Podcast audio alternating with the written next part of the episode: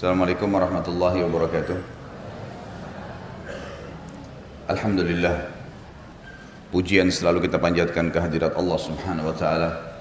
Zat yang paling layak untuk dicintai, dihormati, dipatuhi, ditakuti. Karena memang kata kuncinya la ilaha illallah, la ma'budu bihaqqin illallah. Tidak ada Tuhan yang berhak disembah, tidak ada pemilik, pengurus, pengawas, dan pemusnah semua yang di langit dan di bumi kecuali Allah Subhanahu wa taala. Dan dia zat yang mulia yang telah menggantungkan segala nikmat yang dia berikan kepada kita agar bertahan dan bertambah dengan kalimat mulia alhamdulillah. Maka sangat wajar kalau kita sering mengulangi kalimat yang mulia ini. Juga kita panjatkan salam hormat kita kepada manusia yang tersuci jalur nasabnya, tersempurna seluruh akhlak dan juga fisiknya. Dengannya sang pencipta Allah Azza wa Jalla menutup seluruh risalah langit, seluruh nabi dan rasul dan juga dia dijadikan sebagai pemimpin anak Adam pada hari kiamat dialah Nabi Muhammad sallallahu alaihi wasallam. Maka kita selalu memberikan salam hormat kepada beliau sebagaimana Allah dan malaikatnya telah memberikan salam kepada beliau. Masih melanjutkan melanjutkan bahasan kitab kita Rasulullah SAW berkisah tentang surga dan neraka. Dan saya sengaja memilih dari bahasan belakang tentang neraka dulu baru kemudian kita mundur ke awal buku bahas masalah surga. Dan khusus buku ini baru bahasan kita yang kedua. Kita akan masuk ke pasal kelima dari masalah neraka di halaman 115 setelah sebelumnya kita sempat membahas lima pasal. Pasal pertama adalah perintah untuk berlindung dari api neraka bagaimana Nabi Shallallahu Alaihi Wasallam mengajarkan kita agar membaca doa berlindung dari api neraka. Kesimpulannya adalah disunnahkan membaca minimal tiga sampai tujuh kali per hari. Kita meminta agar dijauhkan dari api neraka dan juga minta agar dimasukkan ke dalam surga. Dan kalau kita mengucapkan itu maka secara otomatis neraka akan berkata ya Allah dia berlindung dariku maka lindungilah dan neraka dan surga berkata ya Allah dia mohon masuk ke dalamku maka masukkanlah. Yang kedua, pasal kedua kita bahas tentang ancaman neraka. Bagaimana kalau neraka itu benar dan sangat nyata serta seseorang yang melanggar pasti akan mendapatkan siksaan pada saat dia meninggal dunia. Kemudian juga kita sudah membahas tentang pintu-pintu neraka. Dan saya sudah titik beratkan waktu itu kita kalau membahas atau kalau dalam syariat dibahas pintu seperti misalnya surga dan neraka, pintunya difokus untuk dijelaskan, dirincikan karena memang pintu simbol daripada bangunan. Kalau pintunya saja seperti itu, bagaimana dengan bangunannya? Ini juga sudah saya kasih gambaran. Kemudian pasal keempat lebih dalam kita membahas tentang gambaran panasnya api neraka dan poinnya adalah uh, api yang Bapak Ibu sekarang gunakan di dunia itu adalah sepertujuh puluh dari api neraka. Jadi neraka itu 70 69 kali lipat ditambah lagi dengan jadi 70 kali lipat lah ya dari panasnya api yang sekarang kita rasakan. Jadi ini memang satu hal yang perlu wajar kalau seseorang itu khawatir untuk masuk ke sana. Sekarang kita masuk ke pasal kelima, bahasan kita semoga Allah berkahi ke depan adalah warna jahannam. Disebutkan di dalam Al-Quran surah Ibrahim ayat 449 sampai ayat 50, ayat 49 sampai 50. أعوذ بالله من الشيطان الرجيم وترى المجرمين يومئذ مقرنين في الأصفاد سرابيلهم من قطران وتغشى وجوههم النار dan kalian atau kamu akan melihat orang-orang yang berdosa pada hari itu hari hari kiamat nanti diikat bersama-sama dengan belenggu jadi orang yang masuk neraka diikat disambung belenggu tersebut untuk diseret dan dimasukkan ke dalam neraka Pakaian mereka adalah dari pelengking atau ter yang biasa dipakai untuk buat jalan. Ter itu istilah sesuatu yang panas dan bergetah. Pelengking. Ya. Maka dikatakan pakaian mereka seperti itu, sesuatu yang panas, bergetah dan melengket di tubuh mereka. Dan muka mereka ditutup oleh api neraka. Ayat ini memberikan gambaran kepada kita bagaimana keadaan warna neraka jahanam semuanya api. Semuanya api. Jadi kalau dikatakan wajah mereka ditutup oleh api neraka artinya tidak ada celah yang tidak ada api. Ada ruangan misal panas karena di sudut ruangan ada apinya. Atau di sekeliling ruangan ada apinya. Kalau neraka jahanam tidak, semuanya berapi. Jadi seperti ruangan yang penuh dengan api lalu seseorang masuk ke dalam. Sehingga dia bergerak kiri kanan pun ya, pelan atau cepat gerakannya tetap akan dihanguskan oleh api itu. Dalam sebuah hadis diriwayatkan oleh Imam Tirmidzi dengan sanad hasan Abu Hurairah anhu pernah berkata, neraka telah dinyalakan selama seribu tahun sehingga menjadi merah. Kemudian dinyalakan selama seribu tahun sehingga menjadi putih. Kemudian dinyalakan selama seribu tahun sehingga menjadi hitam. Maka ia adalah hitam seperti malam yang gelap. Jadi api itu kalau kita panasin, anggaplah bara ya, bara. Kalau kita biasa lihat arang dibakar, arang itu kalau awal dibakar nanti akan menjadi merah. Coba dibiarin lama-lama nanti warnanya putih. Ya. Arang itu berubah jadi putih kayak api, tapi kita menganggap mungkin sudah mati, padahal sebenarnya tidak. Panas sekali. Dan kalau dibiarkan lagi, nanti akan menjadi hitam. Api itu kalau sudah terlalu lama, di lilin misalnya menyala, terakhir sekali akan ada warna hitam. Dan itu api yang paling panas. Maka makna daripada hadis ini adalah neraka jahanam panas dan warnanya gelap hitam. Gitu. Karena panasnya api yang sudah dinyalakan di api neraka itu. Di dalam hadis yang lain riwayat Imam Malik dalam kitab Muwatta dengan sanad sahih Abu Hurairah anhu berkata, "Apakah kalian menyangka neraka itu merah seperti api kalian? Sungguh ia lebih hitam daripada ter. Ter tadi ya sesuatu yang bergetah dan kalau melekat membakar panasnya. Berarti di sini maknanya adalah neraka itu berwarna hitam gelap. Hadis yang lain dalam pasal ini adalah hadis riwayat Imam Ahmad, Darul Qutni, Al Hakim dan juga disahihkan oleh Syekh Al-Albani dalam Sahih Al Jami'. Abu Malik Al Ash'ari radhiyallahu anhu menuturkan sabda Rasulullah sallallahu alaihi wasallam, ada empat perkara dalam umatku dari perkara jahiliyah yang tidak bisa mereka tinggalkan. Bermegah-megahan dengan keturunan, selalu bangga kalau anaknya memiliki kelebihan fisik misalnya atau memang anak ini jadi jalur ayahnya yang terkenal atau ibunya darah biru kalau kita di Indonesia. Selalu berbangga-bangga dengan itu. Padahal ini akan memunculkan kesombongan pada diri si anak. Dan pendidikannya akan rusak nanti. Nah, dia akan tumbuh dalam kondisi merasa dirinya lebih dari orang lain. Dan ini tidak boleh. Ini dakwah jahiliyah. Yang kedua mencaci maki nasab. Misal menghina. Seperti ada satu lokasi A, suku A. Ada lokasi B, suku B. Suku B menghina suku A. Di Indonesia pun masih ada sampai sekarang itu. Masih ada menganggap suku tertentu, oh suku itu. Kesannya kayak dia lebih baik daripada suku itu. Ini semua tidak boleh dalam Islam. Menghina nasab, menghina nasab. Kemudian yang ketiga adalah meminta hujan pada bintang menganggap kalau bintang berbentuk dengan bentuk tertentu berarti akan turun hujan atau memohon-mohon supaya bintang itu muncul. Nah, ini semua termasuk dakwah jahiliyah dan meratapi orang yang sudah mati. Meratapi orang yang sudah mati. Maksudnya meratapi ini nangis-nangis terisak-isak, mukul-mukul badannya, mengucapkan kata-kata yang tidak benar. Orang mukmin tidak akan lakukan ini. Karena dia tahu mati itu hanya sebuah pintu di mana seseorang akan menuju ke hidup yang sebenarnya, mendapatkan janji yang telah Allah janjikan. Jadi orang mukmin tidak akan takut mati. Kalaupun ada kerabatnya yang mati duluan, dia tenang saja karena dia tahu tidak hilang.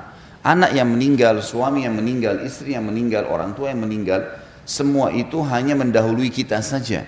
Tidak ada sama sekali ya seperti yang dibayangkan kalau dia akan tinggalkan misalnya atau kalau dia akan hilang sama sekali ya, dia akan hilang sama sekali lalu kata Nabi SAW dalam berupan hadis wanita yang meratapi kematian jika tidak bertaubat sebelum matinya jadi di sini memang kenapa wanita yang disebutkan karena kebanyakan ibu-ibu yang seperti ini terbawa perasaan ya. secara global misal anaknya meninggal, misal suaminya meninggal, kecuali yang telah Allah berikan hidayah dengan ilmu syar'i sehingga mereka faham gitu, bahwasanya meratapi dalam Islam tidak boleh. Kita mungkin netesin air mata, iya. Nabi SAW di dalam hadis Bukhari dikatakan waktu meninggal Ibrahim, netesin air mata. Tapi nggak bersuara Nabi SAW. Netes air mata. Lalu para sahabat mengatakan, ya Rasulullah, anda juga sedih? Anda juga menangis gitu? Kata Nabi SAW, iya ini rahmat yang telah Allah masukkan di dalam hati setiap hambanya. Gitu. Tapi beliau tidak meratapi, tapi itu ah kenapa dia mati duluan, kenapa begini, kenapa begitu, mengucapkan doa-doa yang berbahaya buat diri dia sendiri. Ya, tidak boleh dia ucapkan, coba saya saja yang mati. Itu semua tidak boleh diucapkan. Karena kata Nabi SAW, jangan kalian doakan keburukan buat diri kalian, keluarga kalian dan harta kalian, karena bisa saja malaikat lewat dan mengaminkan terjadilah seperti apa yang kalian ucapkan. Jadi orang mukmin tahu kalau mati adalah sesuatu ya e, kelaziman sebuah pintu yang harus dimasuki oleh setiap orang dan mati itu hanya akan membuat seseorang yang menuju kepada kehidupan abadinya. Yang penting agama sudah mengajarkan kepada kita, usahakan pada saat meninggal wala tamutunna illa wa antum muslimun. Jangan mati kecuali dalam keadaan Islam. Itu kata kuncinya. Kalau sudah meninggal dalam keadaan Islam pasti bersatu dah, nggak mungkin terpisah, gitu kan? Asal dia meninggal dalam keadaan Islam dan dia tidak rusak keislamannya, tidak murtad, ya, tidak musyrik, ya, membatalkan keislaman dia, maka insya Allah akan ya ketemu di sana karena itu tiketnya meninggal dalam keadaan Islam dan iman. Dikatakan wanita yang meratapi kematian jika tidak bertaubat sebelum matinya, maka ia datang pada hari kiamat dengan memakai pakaian dari pelengking dan baju dari api yang menyala-nyala. Jadi ini maksudnya neraka akan seperti itu keadaannya, penyiksaannya karena api semua sehingga akhirnya melengket ke tubuh orang-orang yang sedang disiksa.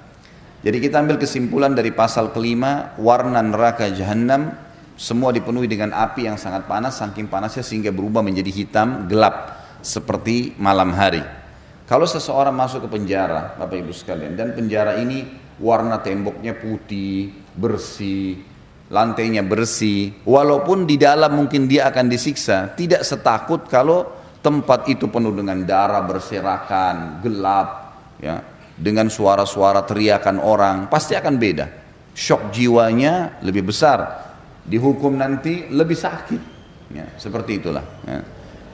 Orang masuk ke rumah sakit kalau rumah sakitnya bersih, rapi, walaupun dia akan operasi, tubuhnya akan dibedah, masih tenang saja. Tapi kalau orang masuk ke rumah sakit yang orang di sana yang bocor kepalanya, yang ini lantainya kotor, yang masuk kamar mandi kotor, di sana orang teriak, dia sudah shock kejiwaan terlebih dahulu sehingga kerepotan sendiri nanti dia akan susah dioperasi pun walaupun sebenarnya dia akan dibius dengan diikuti dengan ketegangan. Kondisi bangunan berpengaruh pada kejiwaan seseorang. Makanya nanti pada saat kita bahas surga, kita akan temukan kondisi ini akan diceritakan. Taman-taman yang rapi, udara-udara yang sejuk, buah-buahan yang banyak, pohon-pohon yang rindang, pakaian yang bersih, dan dan seterusnya. Maka itu akan membuat orang memang tenang, ya seperti itulah. Masuk ke pasal ke-6, lembah-lembah jahanam. Jadi neraka jahanam bangunan dan juga penuh dengan lembah-lembah yang lembah ini fungsinya untuk penyiksaan sesuai dengan dosa yang telah dilakukan dan setiap dosa punya tempat-tempat tersendiri. Para pezina, para makan riba, para orang durhaka dengan orang tua dan seterusnya, mereka akan digabungin kemudian mereka akan disiksa. Walaupun mereka hidup berbeda masa. Misal ada pengikut eh, kaum Nabi sebelum Nabi Muhammad SAW durhaka sama orang tuanya dan itu dilarang. Kemudian ada juga umat Muhammad SAW yang durhaka dengan orang tuanya. Maka nanti akan digabungin di sebuah lembah khusus untuk penyiksaan mereka saja. Ya, kemudian ada orang yang e, sholat, tidak sholat, ada orang ini dan seterusnya. Kalau ada orang melakukan semua pelanggaran itu maka dia akan digilir. Disiksa di sini, nanti akan digiring, disiksa di sana, terus begitu. Tidak pernah berhenti setiap harinya dan sudah saya jelaskan di awal membahas neraka. Di neraka tidak ada kematian. Dalam arti kata, siksa itu akan dirasakan secara kontinu, terus menerus. Ayat Al-Quran yang menjelaskan masalah itu adalah surah Maryam ayat 59 yang diangkat oleh penulis di sini. A'udzu billahi minasyaitonir rajim. Fakhalafa min ba'dihim khalfun adha'us salata wattaba'us syahawat fasawfa yalqawna ghayya. Maka ada orang-orang yang lalai, dia nggak mau belajar agama, dia juga nggak mau jalankan perintah agama, tidak mau belajar, tidak mau juga mengamalkan. Ya. Jadi ada orang yang tidak mau sama sekali hadir majelis taklim, merasa tidak perlu, tidak mau perlu dengar ceramah, Selalu yang ada dalam hidupnya musik, gosip, dan segala macam hal yang berbau dosa. Sehingga akhirnya lahir di tangan mereka generasi yang lebih buruk lagi dari mereka. Kalau bapak ibu sekarang tidak sholat lima waktu, kira-kira anak-anak kita seperti apa nanti yang dididik? Lebih nggak sholat lagi. Ya. Mungkin bahkan bisa menjadi kufur.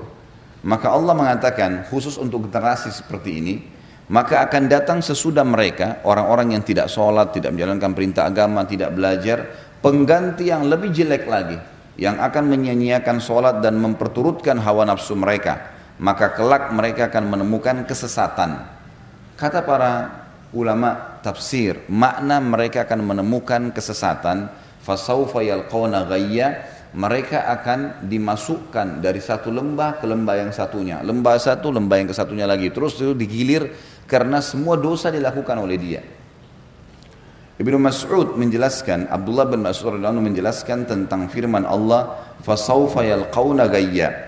Maka kelak mereka akan menemui kesesatan, yakni sebuah lembah di neraka jahanam yang sangat dalam dasarnya, sangat busuk rasanya, maksudnya baunya, ya aromanya. Kemudian jadi di sini makna lembah adalah sebuah yang cekung seperti biasa kita tahu lembah dan di situ khusus untuk penyiksaan. Dalam hadis yang lain, hadis ini disebutkan oleh Baihaqi dengan sanad hasan sebagaimana dinyatakan oleh Al-Mundiri juga dalam kitab Targhib. Kalau yang tadi sebelumnya tafsir surah Maryam ayat 59 disebut diambil dari tafsir Ibnu Katsir dari jadi 3 ayat eh, halaman 128. Hadis yang sekarang kita bacakan adalah Ali radhiyallahu anhu meriwayatkan sabda Nabi sallallahu alaihi wasallam ta'awwadhu billahi min jubbil hazan aw wadil hazan Rasulullah wa ma jubbul hazan qala wadil hazan aw aw maaf aw wadil hazan qala wadin fi jahannama tata'awwadhu minhu jahannamu kulla yawmin sab'ina marra a'addahu Allah lil qurra'il mura'in Berlindunglah kalian kepada Allah dari lembah Al-Hazan. Al-Hazan artinya kesedihan ya. Lembah kesedihan. Berlindunglah kalian kepada Allah dari lembah kesedihan. Ditanya kepada Nabi SAW, wahai Rasulullah, apakah lembah Al-Hazan itu, lembah kesedihan itu, sehingga kami harus berlindung darinya. Beliau menjawab, sebuah lembah di neraka jahanam, yang neraka jahanam sendiri berlindung darinya 70 kali setiap harinya. Ia disediakan oleh Allah untuk para pembaca Al-Quran yang riak. Pembaca Al-Quran yang riak. Saksi bahasan kita, jadi kalau saya rasionalkan begini, kalau ada di antara seseorang, bukan di sini insya Allah, punya uh, luka di tubuhnya yang sudah borok, rusak. Misal sudah menghitam, baunya nggak enak, gatal, ya sakit, berkumpul semua rasa-rasa di situ Seseorang di antara kita pasti berharap hilang gitu ya. Kalau ada luka di tubuhnya, kemudian luka itu misalnya sudah membusuk, sudah e, bau, ya gatal, segala macam ada di situ. Ya kadang-kadang ada penyakit seperti ini. Maka orang ini berharap bisa hilang dari tubuhnya ya, masalah itu. Makna ini, ya makna contoh tadi saya kasih contoh adalah semakna dengan makna sabda Nabi SAW tadi. Jadi di neraka jahanam ada lembah hazan, lembah kesedihan yang disiapkan untuk para pembaca Al-Quran yang riak. Kenapa dikatakan lembah kesedihan? Karena mereka ibadah, tapi masuk neraka, gitu kan? Maka mereka kesedihannya menumpuk di situ. Karena ibadahnya bukan karena Allah, ibadahnya untuk ya manusia. Maka kata Nabi SAW, neraka jahanam sendiri, kayak tadi kita ibaratkan kalau manusia fisik, ya, berlindung kepada Allah 70 kali dari lembah itu. Minta supaya lembah ini tidak ada sebenarnya. Tetapi Allah sudah letakkan di situ. 70 kali neraka jahanam minta berlindung darinya karena busuknya dan rusaknya lembah itu. Sebagian ulama menjelaskan makna daripada neraka jahanam berlindung darinya. Kata-kata berlindung dalam bahasa Arab biasanya berlindung dari banyak hal, ya. Berlindung dari bau, dari rasa, dari ya, interaksi ya. dari warna semua itu masuk di dalamnya berarti neraka jahanam sendiri berlindung dari lembah ini Tinggal kita ingin titik beratkan Bapak Ibu sekalian, ternyata lembah di neraka ada dan setiap dosa akan ada siksaannya masing-masing. Tetapi dalam hadis di sini penulis khusus mengangkat tentang masalah orang yang membaca Al-Quran dan riak. Kalau misalnya orang berzina, orang pendusta, orang yang e, suka mengambil haknya orang lain, sudah jelas-jelas kesalahan. Kalau yang salah dihukum, wajar. Sekarang kalau orang yang beribadah, baca Al-Quran dihukum. Di sini sengaja penulis mengangkat hadis ini untuk memberikan gambaran kalau orang ibadah saja bisa seperti itu parahnya siksaannya, bagaimana dengan orang yang tidak beribadah. Dan kita ambil pelajaran juga Bapak Ibu sekalian. Ingat, tidak ada untungnya sama sekali. Enggak di dunia, enggak juga di akhirat.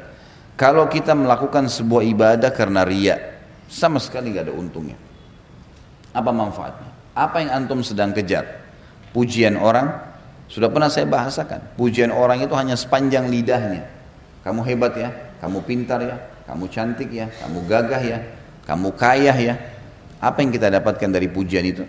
Tidak ada sama sekali. Ingat, kita juga diingatkan oleh Nabi SAW untuk tidak boleh memuji ibadahnya orang. Tidak boleh. Contohnya adalah hadis riwayat Imam Bukhari Muslim. Pernah ada seorang sahabat sholat khusyuk sekali. Masya Allah ibadahnya. Sholatnya khusyuk. Di ujung masjid. Nabi SAW duduk di tengah-tengah masjid. Tempat ya mihrab beliau.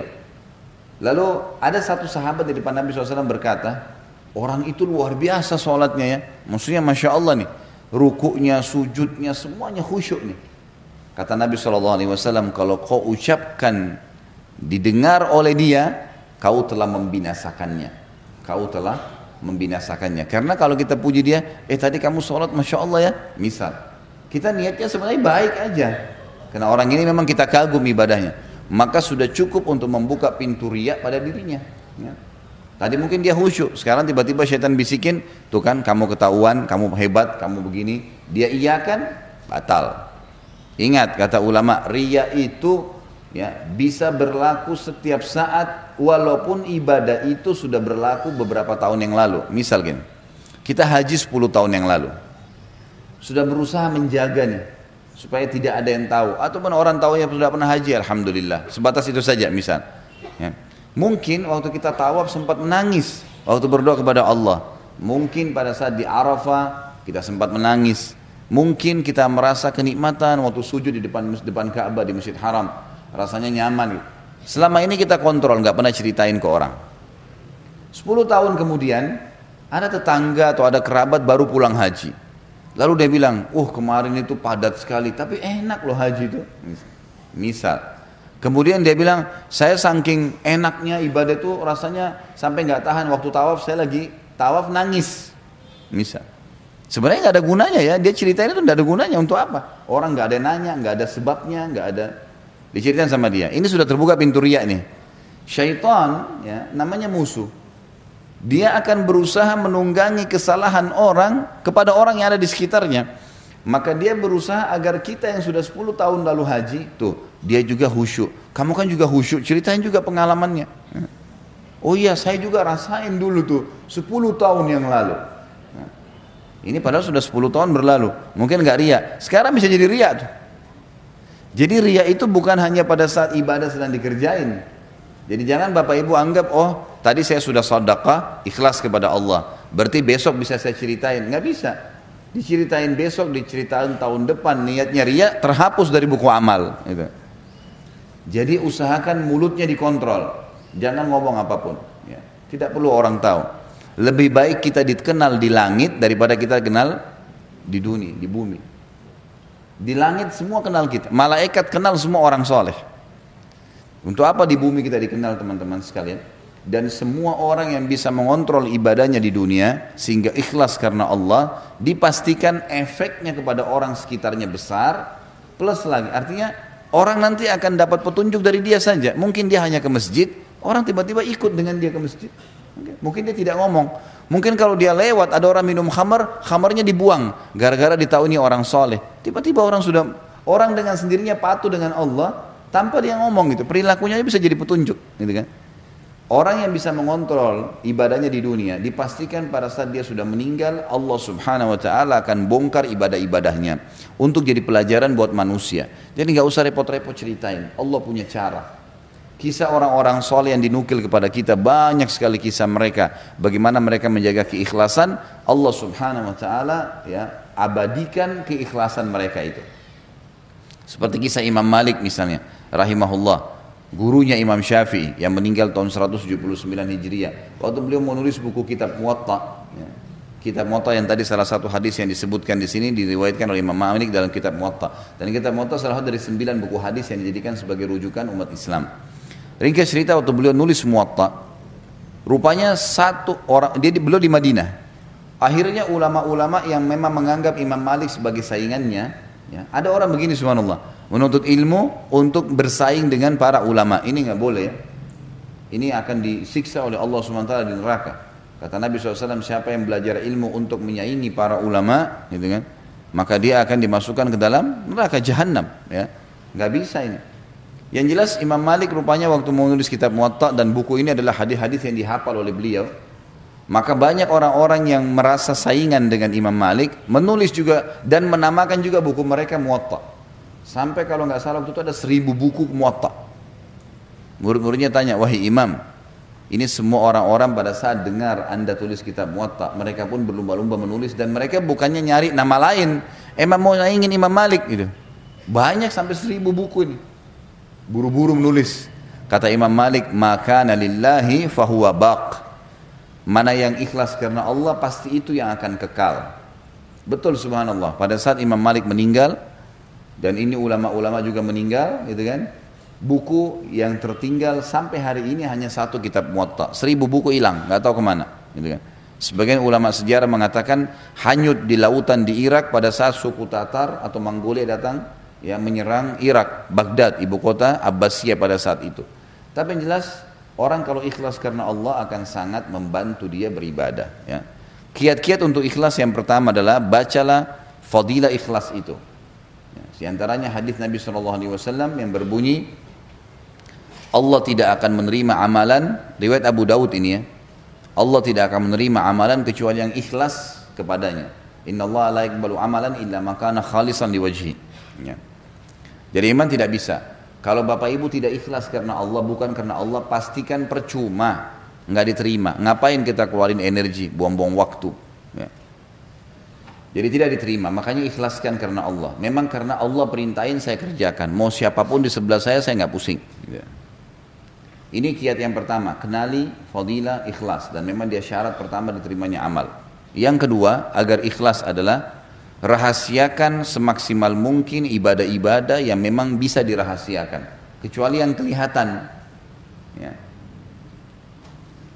Jadi kalau misalnya kita lagi ke majelis taklim begini, emang rame-rame, orang-orang sholat idul adha idul fitri. Laki-laki sholat jumat sholat lima waktu di masjid. Emang harus dilihat.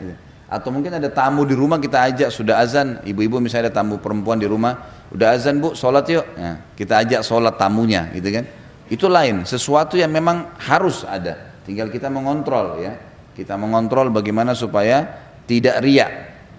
Jadi kalau ditawarin oleh syaitan jangan diiyakan ya. Tuh orang tahu kamu yang ajak kamu dapat pahala rajim karena setiap ibadah akan tersirat riak.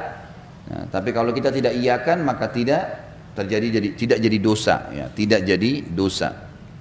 Jadi kita harus rahasiakan. Misal ibadah yang dirasakan kayak sholat malam kayak sodakah ya apa sajalah ibadah yang kita kerjain saya juga pernah singgung masalah haji dan umroh ya jadi kalau orang harus orang sekitar harus tahu ya sudah lihat nggak masalah. Tapi kalau iklanin undang orang, ya.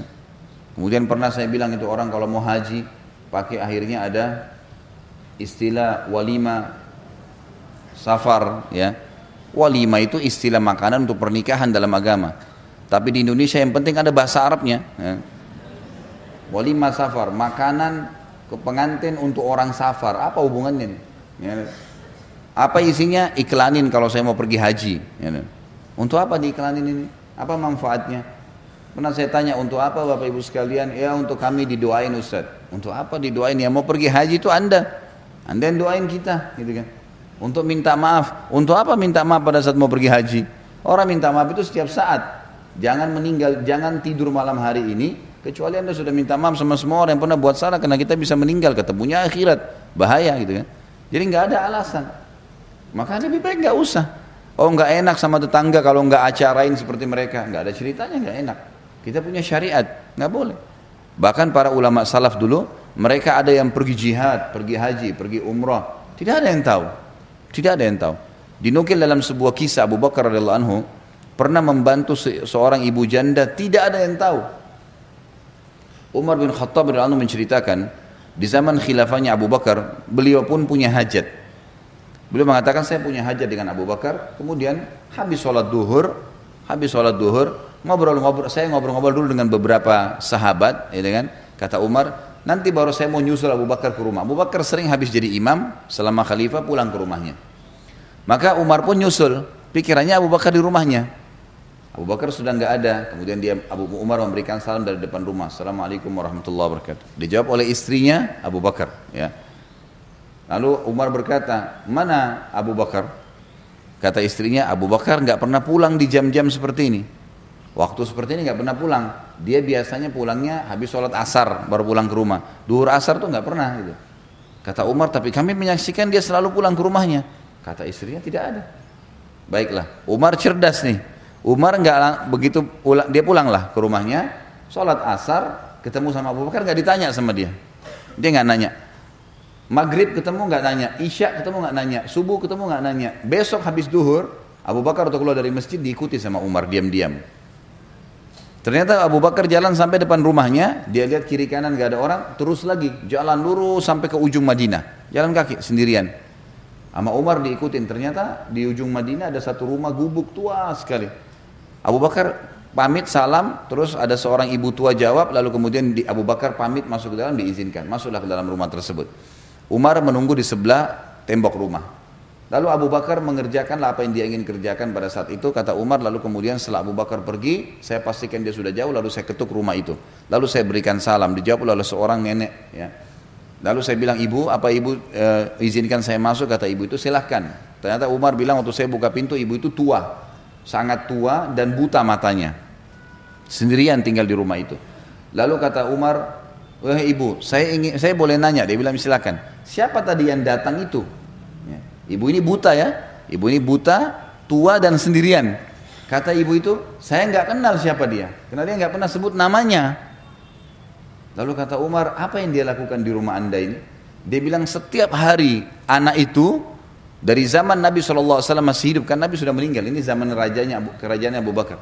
Dari zaman Nabi SAW masih hidup, orang ini setiap siang datang ke sini membersihin rumah saya, buatin makanan buat saya, cuciin baju saya dan siapin pakaian yang saya pakai untuk besok setiap hari. Tiba-tiba Umar menangis radhiyallahu dan Umar mengatakan, dengan inilah Abu Bakar mengalahkan kami. Bayangin, dari sudah puluhan tahun melakukan tidak ada yang tahu. Umar pun tahu karena ngikutin, kalau enggak nggak tahu. Ini membantu seorang yang sangat tua, raja pada saat itu datang ke rumah ibu janda dan bersihin rumahnya, sapu-sapu dan seterusnya. Dan setelah Umar Abu Bakar meninggal, Umar melakukan hal itu. Terus saja beliau mencari orang-orang janda-janda yang susah, dibiayai, dibantu gitu kan. Dan setiap kali selesai dia mengatakan inilah pelajaran dari Abu Bakar, inilah pelajaran dari Abu Bakar gitu. Ini contoh-contoh ini salah satu contoh saja bagaimana mereka bisa mengontrol dan menjaga itu. Jadi kiat yang kedua harus merahasiakannya. Renungi sebuah hadis riwayat Imam Muslim yang berbunyi kata Nabi SAW, Inna Allah yuhibbut taqiyul ghaniyul khafi. Allah sangat cinta dengan hambanya yang taki. Taki itu bertakwa. Diperintahin apa dikerjakan, jarang apa ditinggalkan. Gani, orang yang kaya dan suka bersedekah. Ya. Suka membantu orang-orang susah. Dan yang ketiga khafi, suka merahasiakan ibadahnya. Allah Allah cinta dengan orang seperti ini. Gak ada yang tahu. Ya. Sampai kata Nabi SAW bisa saja orang-orang yang rambutnya berantakan, penuh dengan debu badannya, tapi kalau dia bersumpah atas nama Allah, Allah terima doanya. Jadi jangan pernah anggap remeh. Hasan Basri pernah mengajarkan kepada kita Bapak Ibu sekalian, waktu membahas masalah definisi tawadu. Tawadu itu merendah karena Allah. Karena kata Nabi SAW, "Mentawadha lillah rafa'ahullah." Siapa yang Allah, siapa yang merendah karena Allah, Allah akan tinggikan derajatnya. Lalu para ulama waktu itu di Irak ngumpul di kota Basra ngumpul. Biasanya para ulama ini mendiskusikan tentang hal-hal yang mungkin ada masalah sedang dihadapin atau sebuah poin mungkin bagi orang awam tidak terlalu penting, tapi bagi para ulama penting. Waktu itu mereka sedang membahas apa definisi tawadhu. Apa sih tawadhu itu? Maka para ulama masing-masing berikan definisi. Hasan Basri diam, rahimahullah. Kemudian tiba-tiba selesai semua membahas, lalu mereka mengatakan, wahai Imam Hasan Basri, apa apa pendapat anda tentang masalah ini? Kata Hasan Basri, kalian sudah terlalu banyak ngomong gitu. Sudah banyak definisi, tapi kalau kalian mau tangkap dari saya, ambil dari saya, maka ketahuilah tawadu adalah jangan kau lihat muslim siapa pun di depan mata kamu bagaimanapun jenjang sosialnya, ekonominya, fisiknya, kecuali kau mengatakan pada dirimu, dia lebih baik daripada saya. Maka secara otomatis kita akan merendah dan merendah ini akan membawa kepada ikhlas. Tidak akan riak, gitu kan? Biasanya orang riak karena dia merasa lebih hebat dari orang lain, maka dia menceritakanlah, gitu kan? Maka ini ada hubungannya. Bagaimana kita merendah Jangan sampai kita menganggap kita lebih baik daripada orang lain. Dan ini masuk dalam poin ketiga. Untuk ikhlas adalah seseorang selalu merendah, merasa dirinya kurang dibandingkan orang lain dari sisi ibadah. Kata Umar radhiyallahu anhu, kalau seandainya kau melihat seseorang yang lebih tua, yang lebih tua, maka katakanlah orang ini lebih dulu hidup dari saya, maka amalnya lebih banyak. Dan kalau kau lihat orang yang lebih muda, maka katakanlah anak orang ini masih lebih muda, dosanya masih lebih sedikit daripada saya. Otomatis kita tidak akan merasa lebih dari orang lain. Orang lebih tua, kita merasa bahwasanya orang ini lebih dulu hidup, berarti lebih banyak amalnya. Yang lebih muda, berarti lebih sedikit dosanya daripada saya. Sehingga kita terus merendah. Makanya kiat ikhlas juga ini adalah merendah, tawadhu. Kita harus merendah, jangan merasa lebih hebat dari orang lain. Ada orang begitu subhanallah dalam penuntut para penuntut ilmu, syaitan masuk di pintu itu. Merasa dirinya lebih hebat dari orang lain gitu kan. Sehingga berat untuk belajar. Mau dengar ceramahnya orang lain aja nggak bisa. Gitu. Subhanallah saya lihat sendiri guru-guru kami dulu di Madinah. Sampai saya ambil pelajaran dari mereka. Ada satu syekh dulu namanya Syekh Atiyah. Salah satu ulama Masjid Nabawi sudah, sudah meninggal rahimahullah. Beliau terkenal sekali dengan pemahaman fikihnya. Jadi kadang-kadang teman-teman uh, mahasiswa ini pada ngumpul di majelis itu. Gitu. Kalau kami lagi duduk, kami lihat sendiri tuh. Ada ada syekh-syekh sudah doktor ya, sudah ngajar, sudah dosen, bisa dikatakan guru besar di kampus, duduk dalam majelis bersama kami. Duduk belajar. Mereka tidak merasa malu duduk bersebelahan dengan muridnya, kalau memang dianggap itu manfaat. Jadi luar biasa gitu. Mereka merendah ya, mereka merendah. Maka ini poin yang juga ya, harus dijaga. Jadi kita sembunyikan yang kedua dan yang ketiga kita merendah sehingga kita kita selalu terkontrol tidak merasa lebih dari orang lain. Yang keempat, kontrol lidah, lisan. Kontrol lisan. Setiap mau ngomong berhentiin. Gak usah ngomong. Apa pun, pokoknya berhubungan dengan ibadah jangan ceritain. Jangan ceritain. Kecuali memang dalam keadaan-keadaan di mana kita pastikan tidak terbuka celah. Misal Bapak Ibu mau ceritain ke anak-anak. Ya. Anak-anak biasanya tidak jauh sekali kita dari ria gitu kan. Nah, nanti sholat ya, ikutin ibu ya, gini loh sholatnya, ya kan? Kita didik, bapak-bapak, ayo nak ikut sama ayah ke masjid ya. Masjid itu fadilahnya besar. Rasulullah SAW bersabda begini misalnya. Maka kita dalam menghadapi anak kita, nggak ada riaknya. Ya nggak? Bisa kontrol kan? Otomatis ya. Atau kita menasehatin orang tua kita, saudara kita, agar dia meninggalkan satu perbuatan salah. Saya yakin kita bisa mengontrol itu. Nah kontrolan ini harus bisa kita milikin nih. Gitu kan? Sebagaimana kita kalau nasihatin anak karena kita sayang dengan dia, maka kalau kita bisa mengontrol itu untuk semua muslim, maka positif, nggak ada masalah. Gitu kan? Karena ada memang firman Allah Subhanahu wa taala, "Fa amma bi ni'mati rabbika fahaddits." Kalau nikmat Tuhanmu boleh kamu bahasakan hai Muhammad, Nabi Muhammad SAW. Ulama tafsir mengatakan kalau ada seseorang yang kalau dia sampaikan pengalaman dia bisa memberikan manfaat dan dia bisa mengontrol ria tidak masuk dalam ria yang dilarang. Tapi ini memang butuh ilmu iman yang kuat ya. Dia bisa memberikan gambaran-gambaran pengalaman-pengalaman dia yang memang tidak diikuti oleh ria. Jadi jangan juga Bapak Ibu langsung menfonis kalau ada orang yang menceritakan pengalaman dia lalu dianggap orang ini berarti buruk. Enggak. Bisa saja mungkin dia sudah sampai pada level itu. Memang dia bisa mengontrol sebagaimana dia nasihatin anaknya, gitu kan. Misal di kota, di kota Jakarta ini tidak ada yang ikut jihad. Sementara jihad sekarang sedang terjadi. Lalu dia sudah ikut, dia punya pengalaman, lalu dia membicarakan ini jihad itu begini loh. Saya hadir ke sana, saya rasakan begini-begini. Untuk motivasi orang dan dia tahu dia tidak. Memang betul-betul ikhlas agar umat Islam ini ayo bergerak. Misal, gitu kan. Maka itu tidak ada masalah. Sama halnya juga kata ulama orang kalau menyampaikan program-program. Ya, seperti sering bahasakan saya bahasakan saya setelah mengambil fatwa ulama tentang bolehnya menyampaikan program. Kayak saya sering sampaikan ini ada program sosial Bapak Ibu sekalian seperti ini, seperti ini, seperti ini. Kalau kita nggak sampaikan orang nggak ngerti, gitu kan. Maka harus disampaikan teman-teman yang minggu lalu waktu datang teman-teman dari yang mengantar bantuan ke Syria. Memang mereka pengalaman di lapangan. Mereka harus sampaikan. Memang kami buka sekolah tahfidz Quran, kami membuka eh, pabrik-pabrik uh, roti buat memberikan makan ke orang-orang dan dan harus diceritakan untuk orang jadi tahu supaya memang mereka termotivasi mengerjakan ibadah itu. Tapi kalau dia juga menceritakan itu karena dia ingin dipuji ya sama, berarti masuk dalam bab ria. Baik. Itu saya tambahkan karena memang ada disebutkan di sini tentang qurraul murain ya. Orang-orang yang baca Quran karena ria. Tentu ini contoh, maka semua juga masuk dalamnya seperti sholat karena ria, sedekah karena ria dan seterusnya. Kita masuk ke pasal ketujuh kerak jahanam. Maksudnya dasarnya ya. Disebutkan dalam surah An-Nisa, penulis mengangkat surah An-Nisa ayat 145. A'udzu billahi minasyaitonir rajim. Innal munafiqina fid darkil asfali minan nar. Sesungguhnya orang-orang munafik itu ditempatkan pada tingkatan yang paling bawah dari neraka jahanam. Kata-kata fid darki, dark itu adalah keraknya kalau bahasa Indonesia, dasarnya. Sesungguhnya orang-orang munafik di dasar api neraka. Baik.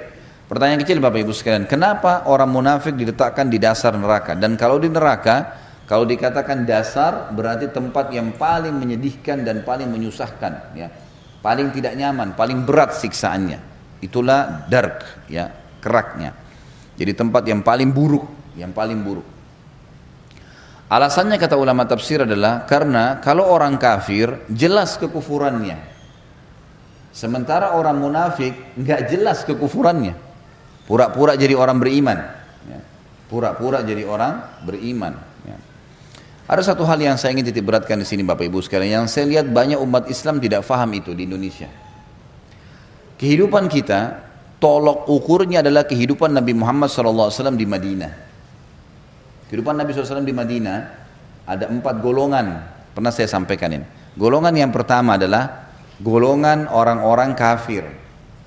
Saya mulai dari kafir karena kita harus tahu Nabi Muhammad SAW hidup ya beberapa tahun pertama di Madinah bertetangga dengan tiga suku Yahudi, Qainuqa, Nadir dan Quraidah, gitu kan? Tiga suku ini tinggal bersama Nabi SAW, interaksi, bahkan Nabi SAW pernah memiliki utang kurma dari salah satu pendeta Yahudi. Interaksi. Berarti sampai ya, selesainya nanti pembunuhan Dajjal sampai Dajjal mati ya setelah Dajjal mati kan Islam sudah menyebar dan kata Nabi SAW semua semua rumah di muka bumi akan masuk Islam. Sampai Dajjal sebelum Dajjal mati sebelum Nabi Isa AS turun ke muka bumi ini untuk membunuh Dajjal ya itu ke belakang semua orang Islam akan interaksi dengan orang kafir. Nggak bisa luput itu. Sebuah hukum. Jadi biar presiden kita orang muslim yang baik faham agama ulama semua menterinya begitu, tetap akan ada interaksi sama orang kafir. Dan ada hukum-hukumnya. Orang kafir ada namanya ahli zimma, orang kafir yang dibawa naungan pemerintah Islam, kayak turis yang datang, orang yang datang bekerja, orang yang investasi di negara Islam, semua boleh disambut. Selama mereka tidak buat kerusakan dan Nabi SAW mengusir suku-suku Yahudi dari Madinah pada saat mereka berkhianat saja. Setelah berkhianat diperangi oleh Nabi SAW. Kalau enggak maka enggak. Ini ada golongan ini yang pertama. Jadi kita akan ada interaksi dengan orang-orang kafir. Ada orang kafir yang harbi, orang kafir yang keluar dari negaranya memang mau memerangi umat Islam. Nah ini diperangin, ini diperangin, ini lain. Golongan yang kedua adalah golongan orang-orang munafik. Orang-orang munafik. Siapa orang-orang munafik di zaman Nabi Wasallam? Pimpinannya namanya Abdullah. Abdullah bin Abi Salul. Abdullah ini artinya hamba Allah, nama yang bagus. Tapi dia kepala munafikin. Jadi di kehidupan Nabi SAW ada orang munafik. Dan Nabi SAW menunjukkan kepada kita bagaimana bermuamalah dengan mereka. Orang-orang munafik dibiarkan hidup bersama muslimin. Kalau mereka mau ikut sholat, mereka sholat, mereka menggunakan nama Islam, mereka juga ikut berpuasa. Bahkan di zaman Nabi SAW ada di antara mereka ikut berjihad, ikut berperang, gitu kan? Tetapi kelihatan ada ciri-cirinya. Jadi mereka orang-orang yang suka membangkang terhadap hukum Nabi SAW. Nabi mengatakan keluar, tidak jangan keluar ya Rasulullah, gitu kan? Nabi SAW akan menghukum orang kafir pada saat itu suku Nadir maka datang Abdullah bin Abi Salul mengatakan, mereka adalah teman-teman saya, selamatkan ya Rasulullah. Dia tolong orang-orang kafir yang sudah berkhianat, misal. Kemudian mereka yang menyebarkan fitnah di tengah-tengah umat Islam seperti fitnah tentang masalah ya Aisyah berzina dengan Safwan radhiyallahu anhu majma'in, gitu kan.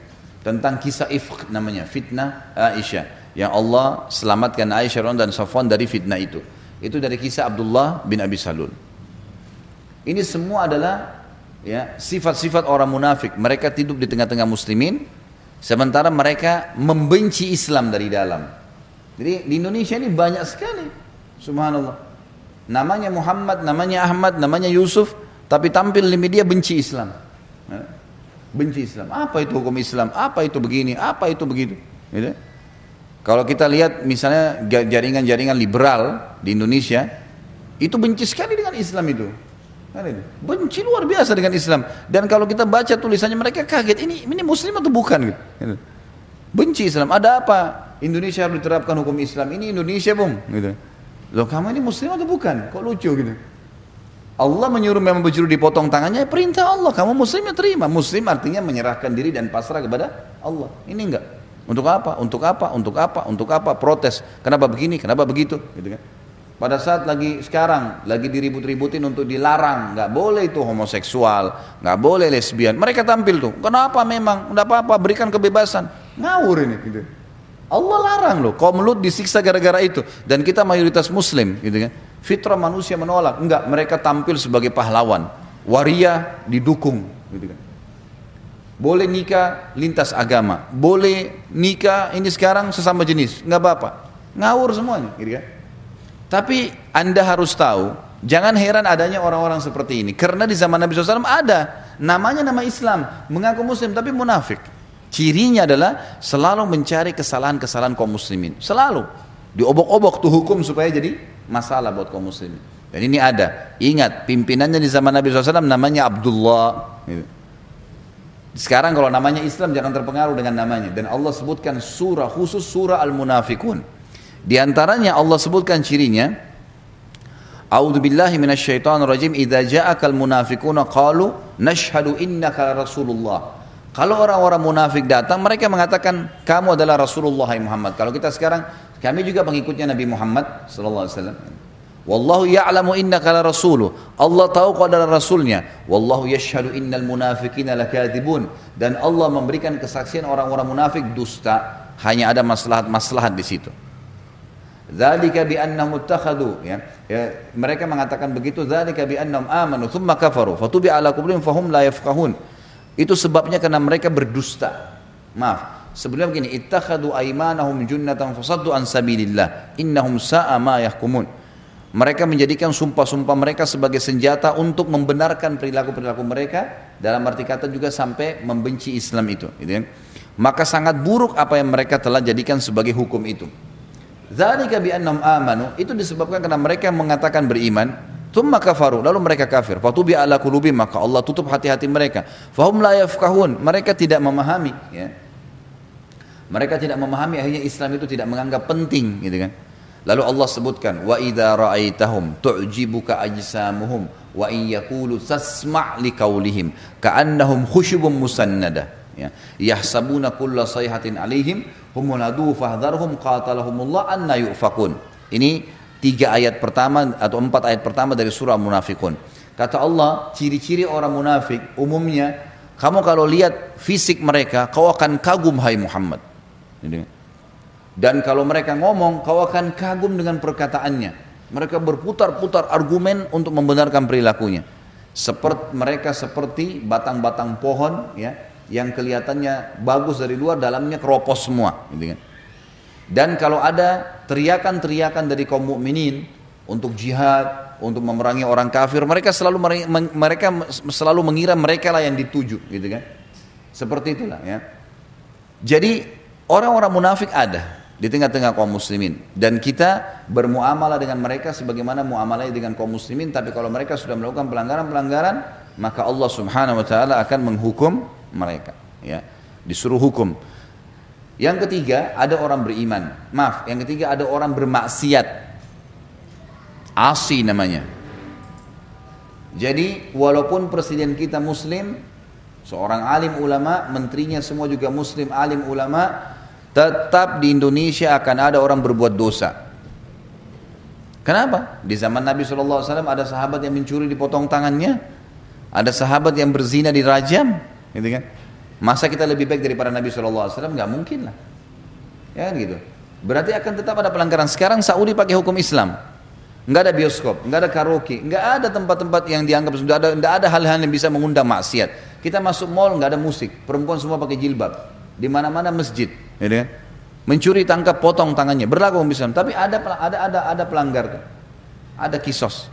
Ada orang berzina di rajam, ada orang yang memburu di penggal, ada orang mencuri potong tangannya, ada.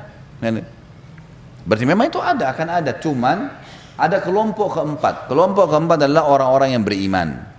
Orang-orang yang beriman ini Bapak Ibu sekalian akan mendominasi. Itulah kehidupan Nabi SAW dan para sahabat. Mereka menghadapi tiga kelompok. Orang kafir, mereka menghadapi orang munafik, mereka menghadapi orang-orang yang bermaksiat. Tapi mereka yang mendominasi dan hukum Allah yang diterapkan. Maka tiga kelompok ini tidak bisa leluasa menyebarkan kesalahan-kesalahan mereka. Gitu. Diredam. Ini harus kita ketahui.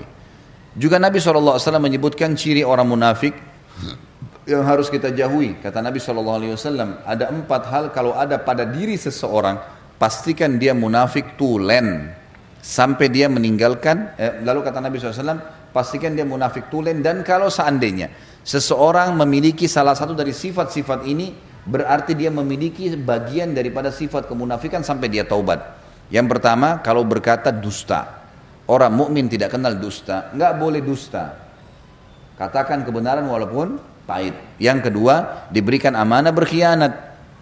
Nih ya, saya ceritain sama kamu ya, temannya setengah mati punya masalah, ceritain sama dia. Saya ceritain, jangan ceritain orang lain ya. Baiklah, dia iyakan, sudah penerima syarat nih. Ternyata setelah selesai temannya keluar, dia telepon teman-teman yang lain. Ini saya ceritain tapi jangan ceritain ya. Nyebar ke mana-mana. Mana amanahnya nih? Mana amanahnya? Gak boleh nih. Khianat. Ada seseorang telepon temannya. Misal seorang ibu telepon ibu yang lain, nanti kalau suami saya tanya bilang saya di rumahmu ya. Oke baik untuk lindungi temannya. Temannya pergi berzina buat salah. Suaminya temannya telepon, ada ada istri, istri saya enggak? Oh ada, lagi di kamar mandi, dusta. Padahal enggak ada. Ini semua nggak boleh, sudah dusta, khianat lagi, nggak boleh membantu khianat temannya. Yang ketiga, ya, kalau mereka berjanji suka pungkirin. Ada orang begini sifatnya, setiap hari janji orang, tapi semua nggak benar. Jangan pernah ucapkan janji kalau nggak bisa jalankan, nggak boleh. Ingat hadis Nabi SAW yang mulia, yang pernah saya sebutkan, kalau seandainya seseorang mau menikahi seorang wanita, kemudian si laki-laki ini mengiming-imingkan saya kalau nikah sama kau nanti saya akan berikan mobil, saya akan kasih rumah, saya akan begini, saya akan begitu. Atau kita balik, perempuan juga berkata kalau kau nikah sama saya, saya akan pakai jilbab, saya akan sholat, saya akan hafal Quran, saya akan begini. Dan dia tahu dirinya dusta. Allah juga tahu dia dusta sehingga terhalalkan kemaluannya pasangannya itu. Orang akhirnya mau nikah sama dia gara-gara janji-janjinya. Setelah nikah dia nggak jalankan. Maka dia akan bertemu dengan Allah hari kiamat sebagai seorang pendusta. Dihukum sebagai pendusta. Seseorang datang kepada temannya lalu mau utang kata Nabi SAW. Lalu dia mengiming-imingkan kepada pemilik uang nih. Kalau kau utangkan saya, saya akan bayar sebulan. Gitu kan. Kalau saya dapat keuntungan, saya akan kasih bagi hasil dan seterusnya. Dusta, dia tahu dirinya dusta. Allah tahu dia dusta. Gitu kan. Lalu kemudian terhalalkanlah harta saudaranya itu. Muslim tadi. Ya. Maka dia akan bertemu dan dia tidak mau bayar nih memang. Sudah dia tidak mau bayar dari awal maka dia akan bertemu dengan Allah sebagai seorang ya pen, uh, pendusta, pencuri. Nah, pencuri. Dia sebagai seorang pencuri. Tadi awal itu adalah pendusta. Dan ini sifat munafik, makanya kita tidak boleh. Dalam Islam tidak ada. Tidak ada dusta, tidak ada khianat, tidak ada pungkiri janji. Dan yang keempat adalah sifat munafik. Mereka kalau berdebat mereka curang. Kalau berdebat mereka curang. Jelas-jelas bukan haknya, dia datangkan argumen. Berapa banyak nih di pengadilan nih? Hah? Nyuri, hak warisnya saudaranya buat surat palsu ya akte tanah lah akte lahir lah macam-macam palsu semua ini nggak boleh dia curang. Maka ini sifat munafik. Hati-hati orang-orang munafik di neraka jahanam lebih berat daripada orang kafir. Karena orang kafir jelas kekufurannya. Orang munafik nggak jelas nih. Ada hadis yang mulia bunyinya begini. Nabi SAW pernah ditanya, apakah orang mukmin itu bisa memiliki sifat pengecut, takut? Kata Nabi SAW, iya. Lalu kata para sahabat ya Rasulullah, apakah orang mukmin itu bisa pelit? Maksudnya kadang-kadang dia mau kasih, kadang-kadang enggak. Kata Nabi SAW, iya. Lalu kata kata para sahabat, apakah orang mukmin bisa menjadi pendusta, bisa dusta? Kata Nabi SAW, tidak. Nggak bisa harus hilang sama sekali dari sifat kita ini. Ucapkan kebenaran walaupun pahit, ya karena itu sifat munafik. Kita dengarkan sekarang hadis Nabi SAW riwayat Imam Muslim. Khalid bin Umair radhiyallahu anhu menceritakan Utbah bin Ghazwan uh, radhiyallahu anhu pernah berkhutbah dengan mengatakan disebutkan kepada kami bahwa batu dilemparkan dari pinggir jahanam lalu jatuh di dalamnya selama 70 tahun sebelum mencapai dasarnya demi Allah ia akan penuh apakah kalian heran? Jadi dalamnya neraka ini kan diceritakan tentang keraknya. Jadi dari pintu utama sampai ke kerak, keraknya itu 70 tahun jaraknya. Hadis yang lain, Al Hasan Al Basri rahimahullah meriwayatkan atau mengatakan Umar bin Khattab Allah pernah mengatakan, perbanyaklah mengingat neraka karena apinya sangat panas, dasarnya sangat dalam dan alat pemukulnya terbuat dari besi. Hadis Hasan riwayat Imam Tirmidzi saksi bahasan kita adalah dalamnya ya, atau uh, uh, dasarnya sangat dalam dan alat pemukulnya besi ya. Ini juga sebuah hal yang harus kita renungi. Maksudnya seringlah kalian belajar tentang neraka itu baca ya. buku ini saya suruh bapak ibu milikin supaya bukan cuma sekedar kita bedah ya. Tapi juga untuk nanti setelah dibedah ditulis manfaat-manfaat yang baru didapatkan dari saya di buku itu diulangin lagi dibacain. Terutama yang punya anak-anak nih. Bacain anak-anak kita itu.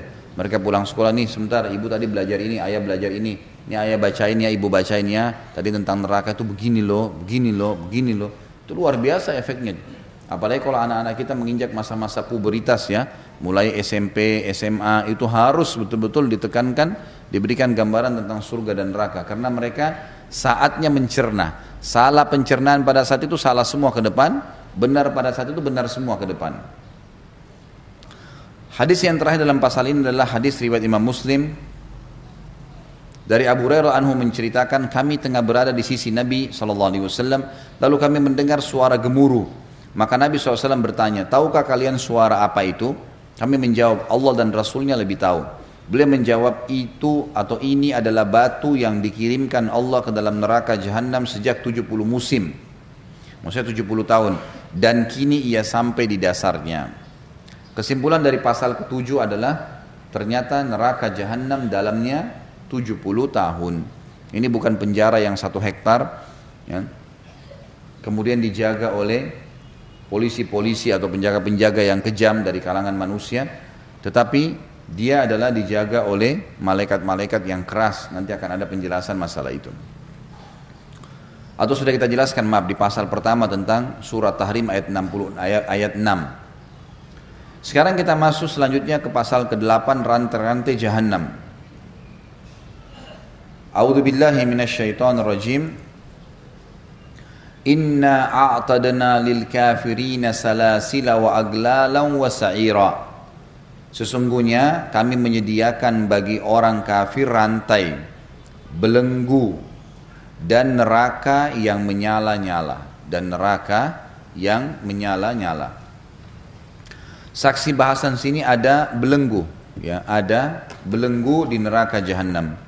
Selanjutnya kita lihat buka surah Mukmin ayat 69 sampai 72. Dan saya sarankan walaupun Bapak Ibu menghafal ayat Al-Quran yang sedang kita bahas, tetap saja ya, usahakan agar melihat Al-Quran. Karena melihat fisik Al-Quran sebuah ibadah tersendiri. Membaca Al-Quran walaupun sudah menghafalnya secara fisik itu ibadah sendiri. Mengulangi hafalan juga ibadah sendiri. Ya. Kalau di dalam Al-Quran surah Ghafir, dia namanya dua, surah Ghafir, surah Mukmin, surah nomor 40. Nah. Ayat 69.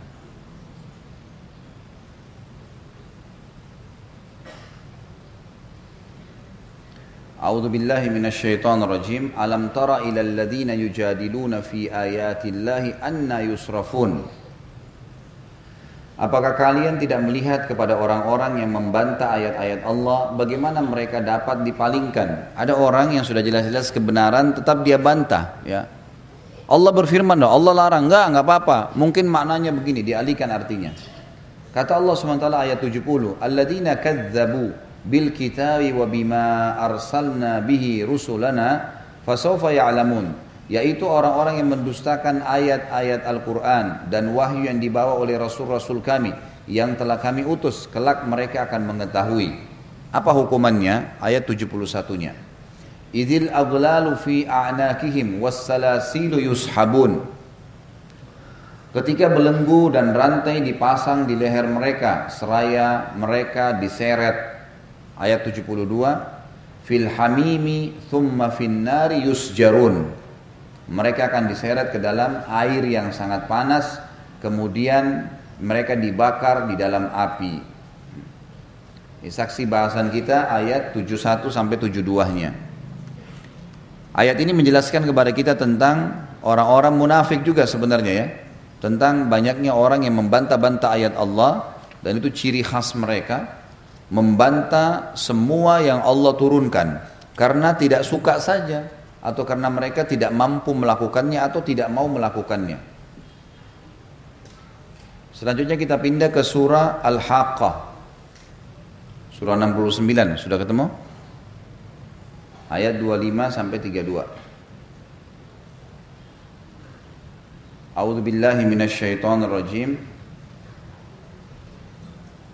وأما من أوتي كتابه بشماله فيقول يا ليتني لم أوت كتابيا Adapun orang-orang yang diberikan kepadanya kitab dengan tangan kirinya maka mereka berkata wahai alangkah baiknya aku tidak diberikan kitabku ini ayat 26 walam adri ma hisabiyah dan coba seandainya saya tidak tahu hisabku seperti apa ya laitaha kanatil qadiyah Coba seandainya mati dulu yang di dunia itu sudah cukup menjadi penyelesai. Udah, mati udah nggak usah bangkit lagi.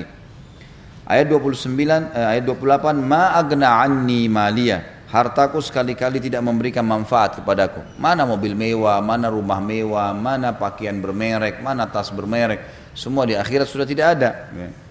Ayat 29, halaka anni sultania. Telah hilang kekuasaan dariku. Tidak ada yang bisa tolong lagi aku pada hari ini mana pegawai-pegawainya, mana dayang-dayangnya, mana semua orang-orang yang dulu dibawa naungannya. Ayat 30, khuduhu fagullu. Lalu Allah berfirman, peganglah dia, lalu belenggulah tangannya ke lehernya. Thummal jahima sallu, ayat 31, kemudian masukkan dia ke dalam api neraka yang menyala-nyala. Ayat 32, thumma fi silsilatin dhar'uha sab'una dhira'an fasluku Kemudian belitlah dia dengan rantai yang panjangnya 70 hasta. Ya. Ini saksi bahasan kita dan kita tambahkan dengan ayat-ayat beberapa ayat di depannya kenapa mereka disiksa.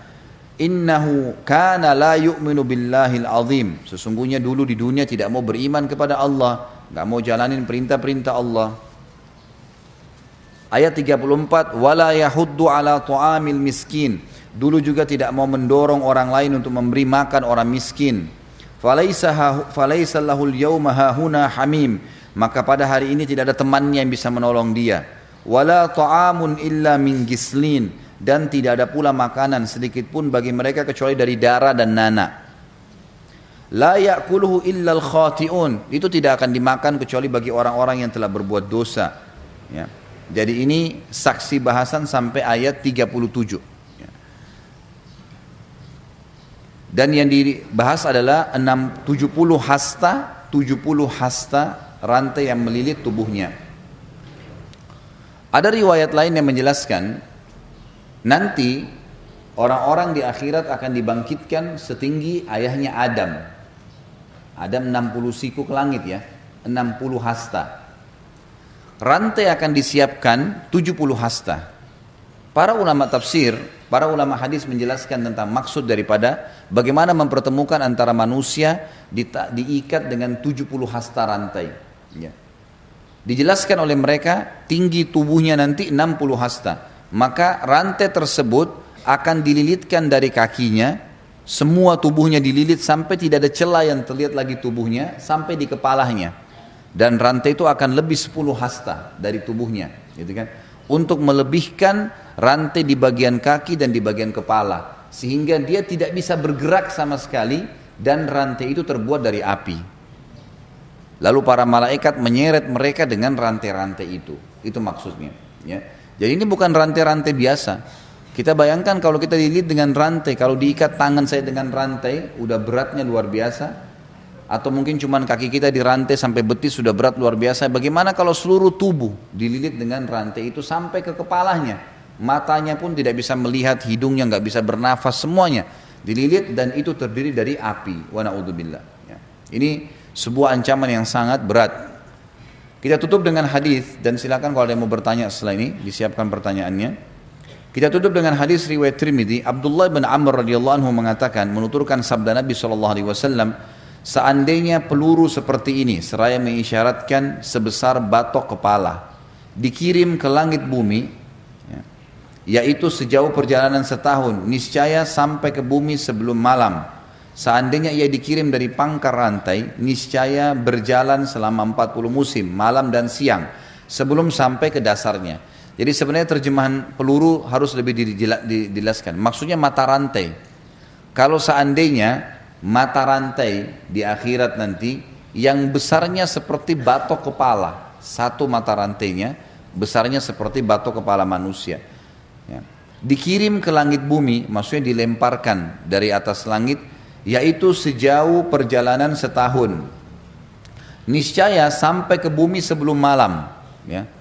Jadi karena cepatnya sebenarnya perjalanan yang Allah kalau Allah inginkan rantai tersebut dilempar maka bisa sampai sebelum malam. Seandainya dikirim dari pangkar rantai, dari awal rantainya, niscaya berjalan selama 40 musim. Maksudnya kalau ditarik itu 40 tahun panjangnya, panjangnya rantai itu. Malam dan siang sebelum sampai ke dasarnya. Kalau seandainya rantai itu ditarik ulur, maka panjangnya 40 tahun. Kalau mau digabungin dililit, ya, dililitnya itu pun maka panjangnya selama 40 tahun. Kalau mau dikembalikan dililit kembali, ditarik 40 tahun. Kalau mau diputar kembali juga 40 tahun baru bisa berkumpul di sebuah tempat.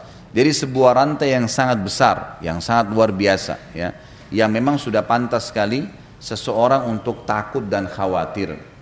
Saya tutup dengan kata-kata saya Bapak Ibu sekalian tentang masalah ini karena kita akan buka sesi tanya jawab dan juga setelah tanya jawab nanti eh, saya minta waktu karena memang eh, saya sampai jam hampir kurang lebih setengah jam 11 kurang seperti biasa jam 11 biasa saya tutup pengajian dan seperti minggu lalu kalau minggu lalu ada teman-teman yang memberikan kesaksian tentang masalah Syria ini cukup banyak di antara jemaah Bapak Ibu sekalian yang tanya di WhatsApp saya, Ustadz kalau umroh dengan travel apa? Ya, selalu bertanya begitu.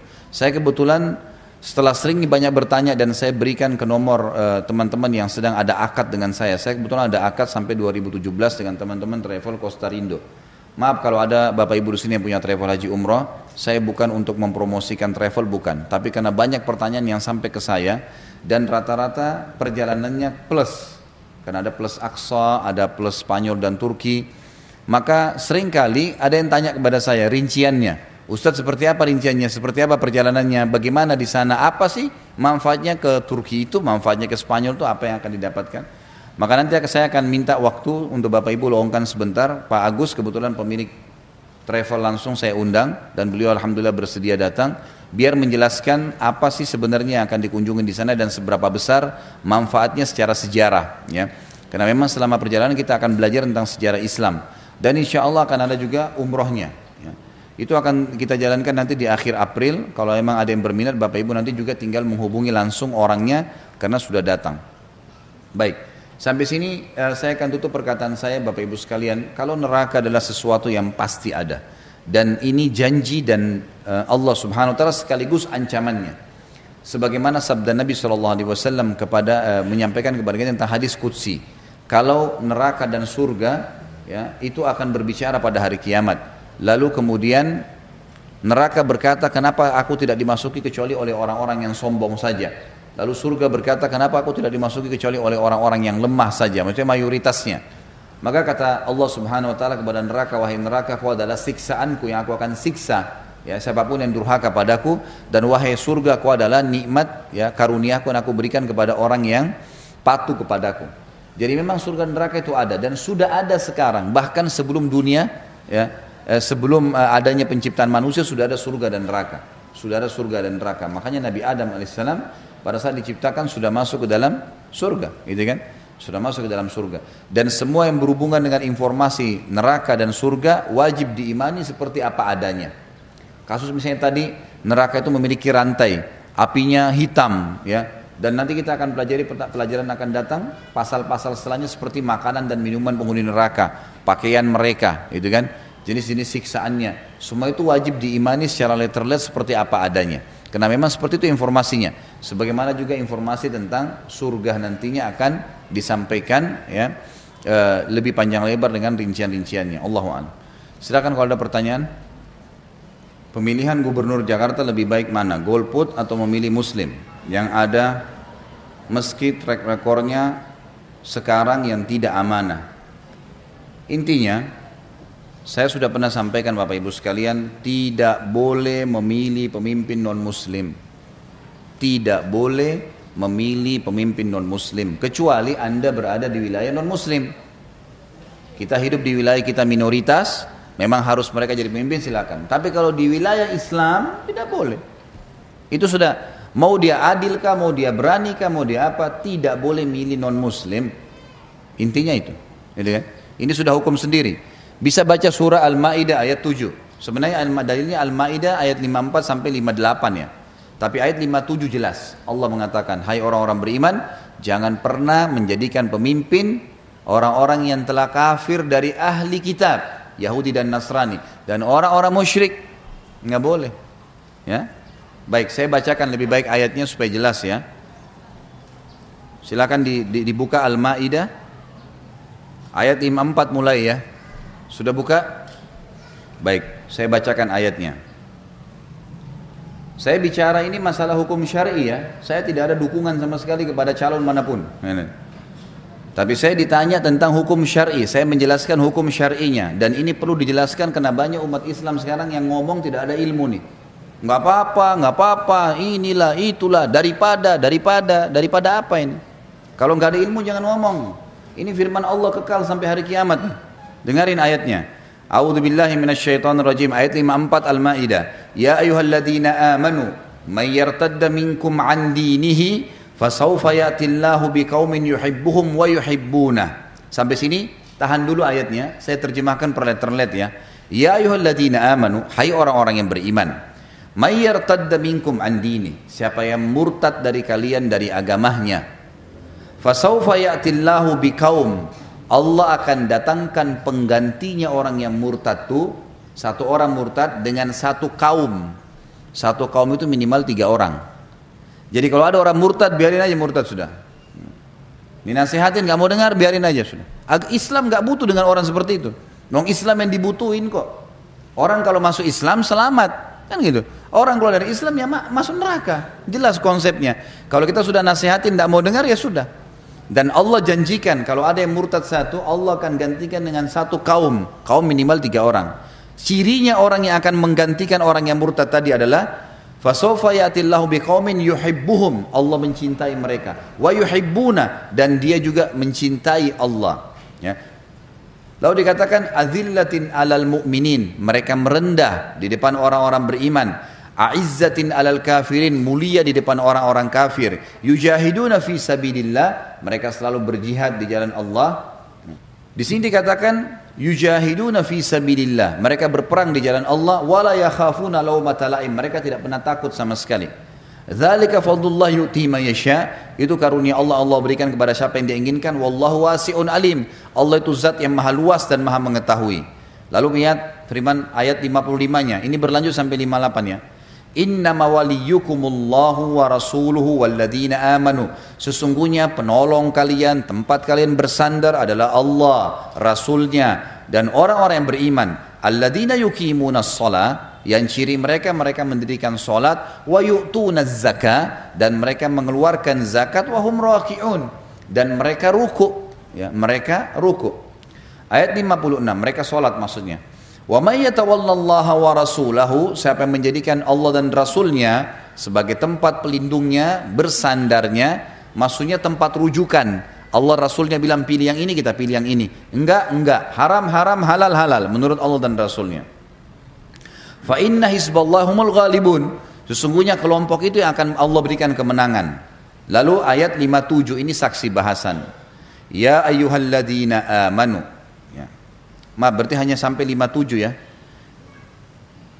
Ya ayyuhalladzina amanu, hai orang-orang yang beriman, la tattakhidul ladzina ittakhadhu dinakum huzuwan wa la'iba.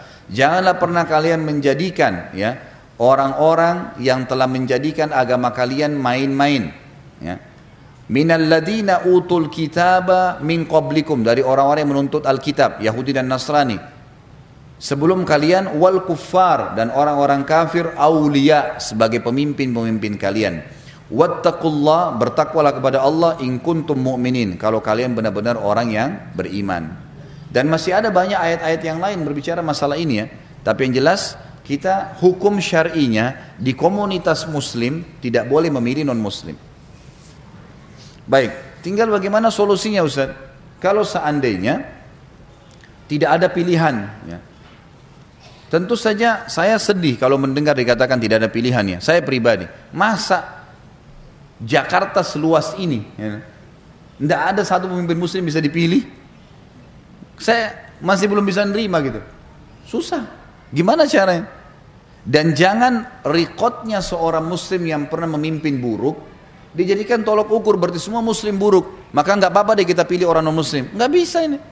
Masa orang yang pernah buruk satu lalu semua dipukul rata? Bapak Ibu mau di sini kalau ada seorang muslim pernah mencuri, kita semua pencuri? Enggak mau, Pak. Dia, dia dong sendiri. Kan itu. Orang kalau kerja di perusahaan, ada satu pegawai buat salah, maka dianya dihukum, bukan semua perusahaannya. Gitu. Enggak boleh ini. Gitu. Jadi harus kita berbuat adil ya, berbuat adil.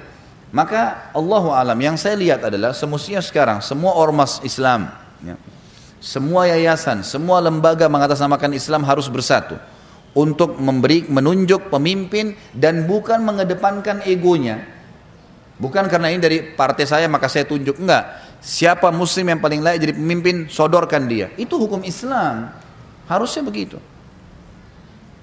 Indonesia ini saya bukan mempromosikan satu orang, bukan ya. Tapi kita bicara realita. Bukankah pada saat Pak Habibie jadi presiden Indonesia dulu harum namanya?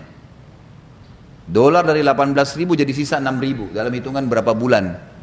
Ada kekurangan dan kelebihan manusia semua punya kurang kelebihan. Tapi bukankah namanya harum sampai orang-orang di barat semua mengatakan Indonesia benar tuh memilih orang ini karena orang pintar. Gitu. Apa kita nggak punya habibi-habibi yang lain? Banyak. Di kampus-kampus tuh banyak orang-orang yang pintar. Banyak kiai-kiai yang memimpin pesantren jutaan ya ribuan santrinya bisa jadi hafal Quran bisa jadi baik kenapa nggak dipilih kenapa kita nggak sportif untuk mencari siapa yang paling baik dipilih disodorin ini masalah umat Islam jor-joran sendiri nih. Egonya yang bermain, bukan masalah memang hukum Allah. Gitu. Saya kasih contoh rasional Bapak Ibu sekalian. Kalau saya beragama Nasrani, jadi pemimpin misalnya. Lalu saya bangun gereja, wajar nggak kira-kira? wajar. Agama saya. Kalau saya bela agama saya wajar nggak? Wajar. Kalau saya muslim saya bangun masjid wajar nggak? Berarti jangan salahin tuh kalau non muslim jadi pemimpin lalu dia bela agamanya. Anda semua pendukungnya. Ya. Kan gitu. Jadi harusnya kita faham masalah itu. Cukup dulu pertanyaan ya. Jangan ditambah lagi nih. Siapa tahu pertanyaan sudah ada di sini, soalnya banyak nih. Ya. Jadi ini saya bahas sebenarnya. Saya berharap pertanyaan sesuai dengan tema. Tetapi karena ini masalah berhubungan dengan yang sekarang, jadi saya jawab. Memang penting untuk diketahui Bapak Ibu sekalian. Jadi saya bukan sedang menyorotin pemimpin non muslimnya karena mungkin dia punya kelebihan lalu dia bukan. Saya tidak bicara masalah. Saya bicara masalah hukum agama Islam. Kita muslim bicara masalah hukum. Anda kalau bertanya kepada seorang dai atau seorang alim ulama masalah hukum berarti Anda bertanya masalah hukum agama. Saya bicara masalah hukum itu, bukan bicara masalah individu siapa pun itu. Kalau betul-betul bertemu non muslim sama orang muslim, kemudian ditemukan orang muslim memang muslim ini memang betul-betul tidak baik, jangan milih. Tidak usah punya andil. Siapa yang terpilih nanti ya sudah. Ya. Peraturannya sesuai dengan hukum Islam kita patuhi, yang tidak kita nggak patuhi. Selesai konsepnya, gitu kan? Tetapi harus umat Islam sekarang sadar bahwasanya kita harus punya pemikiran terhadap hukum agama kita. Tidak boleh toleransi, tidak boleh toleransi, tidak boleh toleransi, toleransi. Orang tua kita non muslim kita bakti iya. Tetangga kita non muslim kita berbuat baik ya. Orang non muslim jadi turis datang ke negara kita kita hormatin ya. Orang yang mau investasi silakan. Teman-teman non muslim bisa kita berteman sama mereka. Tetapi kalau sudah berbau masalah hukum agama nggak boleh. Nggak boleh ada pemimpin non muslim di tengah-tengah umat Islam. Memang nggak boleh. Masa kita sampai kehabisan stok gitu kan? Banyaknya umat Islam cuma kitanya tidak berpikir itu. Ya. Tidak berpikir masalah harusnya setiap muslim mendahulukan pemimpin-pemimpin muslim ini. Harusnya. Semoga Allah memberikan pertolongan ya. Semoga memberikan pertolongan. Mudah-mudahan insya Allah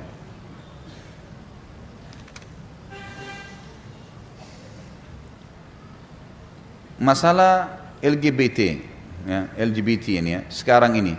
Mereka adalah ciptaan Allah seperti virus di tubuh. Apakah orang yang punya virus harus dibunuh atau diobati jadi soal LGBT ini apa solusinya? Karena lembaga-lembaga pemerintah atau pemuka-muka agama tidak ada solusi. Apa pendapat Ustadz? Ini ada disebutkan dalam hadis Bukhari. Ya. Jadi kalau saya pribadi kembali kepada hukum syari. Hukum syari adalah ini penyakit, penyakit, ya. penyakit yang harus diobati. Ya. Disebutkan dalam hadis Bukhari pernah ada seorang banci waria dari gelagat bahasanya ya, ketahuan orang ini banci masuk ke Madinah. Allahu alam dari mana dia? Tapi yang jelas dalam riwayat ini dikatakan dia ada di Madinah dan lagi duduk dengan sahabat-sahabat laki-laki. Dan dia rupanya suka salah satu sahabat laki-laki di situ. Untuk menarik hatinya sahabat itu supaya mau sama dia dia tahu sahabat ini ditanya sama dia informasi ini orang apa sih sukanya dia Kebetulan sahabat itu belum menikah dan dia suka dengan wanita gemuk. Riwayat Bukhari begitu. Maka si banci ini bilang sama si laki-laki itu, dia bilang, nanti kalau Allah membukakan buat Rasulnya kota Taif, kota Taif ini 60 kilo dari kota Mekah. Saya mengetahui di sana ada seorang wanita yang perutnya terlipat delapan. Artinya saking gemuknya sampai seperti itu. Berarti dia sudah melihat tuh perempuan tuh. Karena bagi perempuan kan dianggap ini bukan laki-laki. Maka boleh berbaur, padahal tetap saja laki-laki. Haram-haram tetap. Nggak boleh kumpul sama perempuan gitu kan. Tetap sama hukumnya walaupun dia banci, walaupun dia tidak suka sama perempuan dan seterusnya. Ringkas cerita, waktu dia lagi ngobrol, terdengar suaranya dia kelihatan suara ini kayak perempuan, mengikuti-ikuti perempuan. Nabi SAW lewat. Langsung statement Nabi apa? Keluarkan orang ini dari Madinah. Luar, nggak boleh tinggal di sini usir. Sampai dia sembuh baru dia masuk. Nggak boleh masuk. Tidak boleh tinggal di tengah-tengah umat Islam. Tidak boleh ditokohkan. Tidak boleh diorbit. Kita malah dijadikan bahan bercanda. Malah jadi artis. Malah di ini. Malah orang-orang jadi artis sekarang kalau tidak bisa jadi kayak waria maka tidak dianggap top. Haram ini. Gimana caranya? Allah telah menghukum kaum Lut ya homoseksual dengan membalik negeri mereka Ingat, hukuman orang yang homoseksual dan lesbian sangat berat. Kalau zina, hukumnya sebelum nikah dicambuk seratus kali. Kalau ada orang berzina laki-laki dan perempuan lawan jenis berzina, ya Zina diistilahkan bagi orang yang berhubungan biologis dengan lawan jenis. Tidak dengan akad nikah. Kalau sebelum menikah masih bujang dan gadis berzina, hukumnya diapain? Dicambuk seratus kali, diasingkan satu tahun. Kalau sudah menikah, dirajam, dilempar batu sampai mati. Yang itu. Baik, itu kalau orang berzina. Kita lihat, kita lihat hukumannya orang yang lesbian dan homo. Apa dianjurkan oleh apa yang diperintahkan dalam syariat kita? Hukumannya adalah dua-duanya dibunuh walaupun belum menikah. Kalau ada orang homo atau lesbian belum menikah, maka hukumannya dibunuh. Ibnu Abbas berkata hukumannya orang yang melakukan homoseksual dan lesbian adalah dipilih tempat tertinggi di negeri itu, bangunan tertinggi. Kalau kita di Sudirman mana bangunan tertinggi itu? Naikin paling atas, lempar, dorong, sudah itu pun ditunggu dengan batu, dirajam dengan batu. Bayangkan beratnya hukumannya dalam Islam, gitu kan? Jadi nggak boleh ini, tidak boleh ada tengah-tengah kita. Kalau ada yang kena penyakit ini harus diobatin. Jangan didukung, jangan diorbit, jangan dijadikan bahan lucon. Ini ada dua hal nih, penyakit homose homo homoseksual ini, masalah waria ini, dengan masalah uh, yang kedua ini juga uh, dukun, perdukunan. Ini selalu diorbit dengan cara lelucon. Nah, itu. Kayak di film-film, di sinetron, di media massa itu dianggap sebenarnya lelucon. Jadi kalau orang mau ke dukun tuh dibuat lelucon dulu. Embahnya lucu lah, apalah gini ketawa. Supaya orang terima dulu. Sama dengan waria begitu juga. Haram dalam agama, tidak boleh. Orang seperti harus diterapi. Pemerintah kita harus mengambil sebuah langkah, semua mereka disatukan di sebuah tempat, di sebuah pulau, yang kemudian mereka diterapi. Kalau Allah mau binasakan, biarin aja. Habis gimana? Masa dia mau masuk tengah-tengah kita? Nggak boleh. Kenapa terlalu tegas Ustaz? Ya hukum Allah begitu, nggak boleh. Anda lebih baik ditegasi sekarang daripada Anda meninggal. Dia demi Allah Anda akan masuk ke neraka. Mana lebih pilih? Ingat, kalau seorang pencuri dikeroyokin oleh masa, masih bentuk kasih sayangnya Allah pada dia itu. Kenapa? Karena kalau dia tidak dikeroyoki pada saat itu, tidak berhenti mencuri dan akan lebih berat masuk neraka, lebih berat neraka. Lebih baik sekarang dikeroyokin supaya dia taubat. Maka sekarang anda ditegasin orang-orang seperti ini supaya berhenti. Ya, berhenti nanti di ujungnya bahaya neraka nih. Siksaan yang berat gitu. Jadi nggak boleh.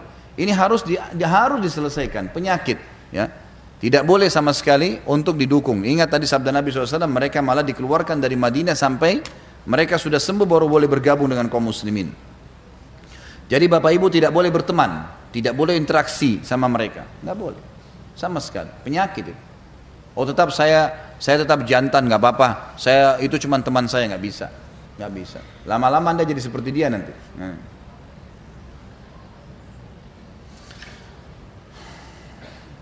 Jadi kat rumah saya ada masjid yang sedang dibangun di mana lantai dasar dijadikan aula dan lantai dua dijadikan masjid. Bolehkah memberikan sumbangan untuk masjid itu?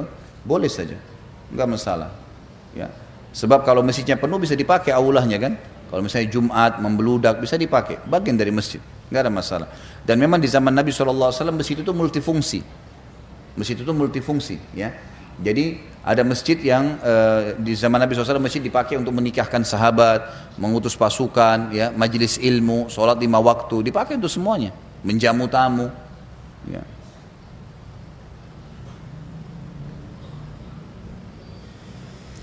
Kakak Ana mempunyai anak laki-laki yang sudah menikah dan tinggal bersama beliau, uh, tapi anak laki-lakinya suka memarahi ibunya. Jika mantu perempuannya dinasehatin anak laki-laki tidak terima. Sekarang kakak anak tinggal bersama anak. Mohon nasihatnya Ustaz.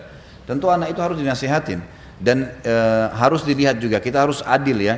Siapa yang salah diluruskan, siapa yang benar didukung, gitu kan? Harus begitu. Lihat kakak anda ini salah atau enggak gitu. Memang sebenarnya paling ideal dalam rumah tangga tidak bersatu. Jangan bersatu rumah tangga, gitu kan? Bapak ibu di sini kalau sudah punya anak laki-laki, sudah menikah, jangan dipaksain. Ibu-ibu jangan bilang tetap kau tinggal serumah sama ibu ya, jangan. Karena ibu punya selera, anak mantunya ibu punya selera. Nggak boleh disatuin memang. Biarin anak ibu kontrak, nggak apa-apa. Kita bantu kontrakannya iya, kunjungin sesekali iya. Kalau mereka punya masalah dibahasakan dan butuh jawaban kita bantu. Tapi ibu jangan masuk ke rumahnya anaknya ibu kemudian masuk ke dapur kok begini nih piringnya kok warna ini, kok eh, masaknya ini aja buat anak saya dan dan ini bukan bukan urusan ibu nih. Jangan. Kecuali anaknya ibu mengeluh minta nasihat, baru nasihatin anak mantunya. Jangan dicampurin. Itu dulu dilihat ya. Lihat permasalahannya apa. Karena saya temukan banyak kasus rumah tangga begini antara mertua sama anak mantu ribut terus nih. Karena memang masing-masing punya keinginan. Maka lebih aman kalau rumah masing-masing ya. Kalau ibu ini memang ternyata menasehatin anak mantunya benar, dia benar. Cuma suaminya ini berat saja nggak mau kalau istrinya dinasehatin ya anak, anak laki-laki itu dinasehatin, dia nggak boleh durhaka sama ibunya. Tidak boleh mendahulukan istri dari ibu, mustahil, haram dalam agama, nggak boleh. Harus ibu lebih dulu baru istri. Sampai ulama mengatakan kalau ada seorang laki-laki yang ingin naik di mobil, ibunya sama istrinya mau naik, lalu dia suruh ibunya duduk di belakang, istrinya di depan, dia sudah durhaka. Kalau ada anak laki-laki mau keluar sama istri dan ibunya, lalu dia laki-laki anak laki-laki ini suruh ibunya di kursi belakang dan istrinya di depan, dia sudah durhaka, nggak boleh. Kecuali ibunya yang minta, sudah ibu di belakang aja nak, boleh. Jadi ibu-ibu di sini juga harus mengalah memang dengan mertua nggak bisa nggak. Mengalah itu itu pahala. Harus kita dukung suami kita bakti dengan orang tuanya. Dalam buku Rasulullah SAW berkisah tentang surah neraka banyak dikisahkan uh, oleh para sahabat Nabi yang mendengar sabda Nabi SAW yang kebanyakan menceritakan tentang laki-laki antara lain akan diberikan kekuatan 100 laki-laki untuk satu orang laki-laki. Masing-masing laki-laki akan diberikan dua orang bidadari, di mana bidadari mendampingi di sampingnya, di samping bahunya dan satu lagi di kakinya. Pertanyaan bagaimana dengan wanitanya? Apakah akan dipertemukan antara uh, pasangan suami istri di dunia? Ini bahasan tentang surga nanti ya. Akan ada bahasanya tentunya. Memang di surga ya eh, akan ada bahasan kita bahas masalah itu. Setiap penghuni surga laki-laki itu akan memiliki dua orang pasangan. Itu sudah hukum Allah nanti di akhirat, gitu kan? Dan itu tidak ada tidak ada lagi urusan seperti di dunia kita terbawa ego, perasaan tidak ada. Memang di surga poligami. Memang sudah begitu. Hukumnya begitu. Nah, tinggal hukumnya kalau ada wanita yang tidak sempat menikah di dunia, tidak sempat menikah di dunia, tidak punya suami, gadis tua meninggal, maka dia akan menikah dengan salah satu penghuni surga, gitu kan? Kalau ya ada uh, wanita yang cerai sama suaminya, kemudian dia nikah sama laki-laki lain, dia akan ikut dengan laki-laki atau suami terakhirnya, gitu kan? Dan nanti di surga sudah nggak ada lagi kayak di dunia. Mungkin ada perasaan, oh dia nikah sama orang lain nih. Udah nggak ada lagi, perasaan sudah hilang. Semua orang hatinya akan seperti Ayub alaihissalam. Dalam hadis dikatakan, ya Nabi eh, penghuni surga akan seperti Adam alaihissalam kalau laki-lakinya, gitu kan, tingginya. Kemudian perempuannya seperti Hawa dan wajah mereka seperti Yusuf serta hati mereka seperti Ayub. Artinya Allah akan berikan kelebihan-kelebihan fisik, gitu. Nah, kelebihan wanita dunia, mereka kalau beriman, mereka akan jadi pemimpin, pemimpin wanita di surga. Pemimpin wanita di surga. Kata Nabi SAW dalam hadis nanti kita pelajari di dalam surga itu sebenarnya ya. Nanti akan ada penghuni surga duduk, saking berubahnya istrinya menjadi wanita yang sangat luar biasa sempurna, datang ke sebelahnya di surga, di istana, lalu dia kaget, dia mengatakan siapa kamu nih? Dia mengatakan saya adalah istrimu. Sudah berubah gitu kan? Jadi sudah tidak ada lagi kulit hitam, nggak ada lagi cacat tubuh, ya, nggak ada lagi pendek poster tubuh, sudah nggak ada semua ini, gitu kan? Semua semuanya akan satu model, ya, dengan kelebihan fisik yang luar biasa. Kata Nabi saw, kalau penghuni surga itu wanita dari yang beriman di dunia, dia masuk surga, dia akan jadi pemimpin bidadari. Ya, bidadari jadi pelayannya dia. Maka kalau dia turun di dunia, maka niscaya cahayanya akan menerangi antara timur dan barat. Serta, kata Nabi SAW, kalau kain yang ditaruh di rambutnya dihembaskan satu hembasan di muka bumi ini, maka akan tercium seluruh wanginya. Dan banyak bahasan berhubungan dengan masalah itu. Banyak bahasan. Tentu kalau orang cuma baca satu dua buah hadis, dia akan salah faham. Tapi nanti di dalam masalah surga saya akan panjang lebar jelaskan masalah itu. Jadi insya Allah akan ada bahasanya nanti. Mengenai akikah anak yang belum diakikahkan ini khilaf di antara ulama. Ada yang mengatakan pendapat pertama mengatakan sudah gugur kalau sudah lewat hari ketujuh ini pendapat. Pendapat yang lain mengatakan boleh diakikahkan kapan saja. Termasuk kalau orang tuanya tidak sempat akikah dia akikahkan dirinya sendiri. Ini pendapat-pendapat ulama. Tapi semuanya punya dalil insya Allah. Tapi paling tidak ada hadis memang yang berbunyi semua anak yang baru lahir ter, ter, tergadai dengan akikahnya. Inilah yang membuat pendapat kedua mengatakan tetap harus akikah. Kalau dia sudah mampu dia boleh akikah. Bagaimana pandangan Islam tentang atau dalam ilmu syar'i ketika anak memiliki organisasi sosial yang di dalamnya bercampur ikhwan dan akhwat? Asal tidak ada masalah. Yayasan, sekolah, ada ikhwah, ada akhwat, sama taklim begini ada ikhwah, akhwat, tidak ada masalah. Yang penting ada hukum syar'i yang membatasinya. Tidak boleh laki-laki dan perempuan sebelah-sebelahan meja misalnya, kan itu. Atau interaksinya selalu terjadi hal-hal yang bisa membawa pada pelanggaran agama. Ada ikhtilat namanya, bercampur baur. Ini jangan. Atau ada khalwat, enggak. Memang terpisah, gitu kan. Pesantren di sebelah sini pesantren putri sama guru-guru perempuannya. Ada pembatas tembok. Ini putranya di sini. Bisa. Atau yayasan memang ada khusus untuk seksi akhwat-akhwatnya kegiatannya. Ada sendiri ditutup dengan hijab. Ada pintunya. Kan ada masalah. Tapi kalau bercampur baur maka jangan ya. Allah alam. Itu yang saya tahu lebih baik jangan Bagaimana sebenarnya ada pengantar jenazah? Saya sering mengalami iringan mayit menjadi alasan untuk melanggar peraturan lalu lintas dan bersikap, bersikap kasar kepada pengguna jalan jalan lain. Ini nggak boleh ini, nggak boleh ini, haram dalam agama ini. Sengaja ada sampai mukul mobilnya orang, maksain orang nggak boleh. Minta jalan silahkan, minta jalan, dikasih jalan ya sudah. Kalau enggak enggak. Jadi nggak ada sesuatu yang mendesak untuk itu. Sunnah Nabi SAW adalah menyegerakan, iya, menyegerakan pemakaman, itu betul. Tapi menyegerakan ini bukan berarti mengganggu orang lain, bukan mengganggu orang lain. Gitu. Makanya lebih baik jenazah itu disolatin di masjid yang dekat dengan kuburan sehingga tidak mengganggu, gitu kan?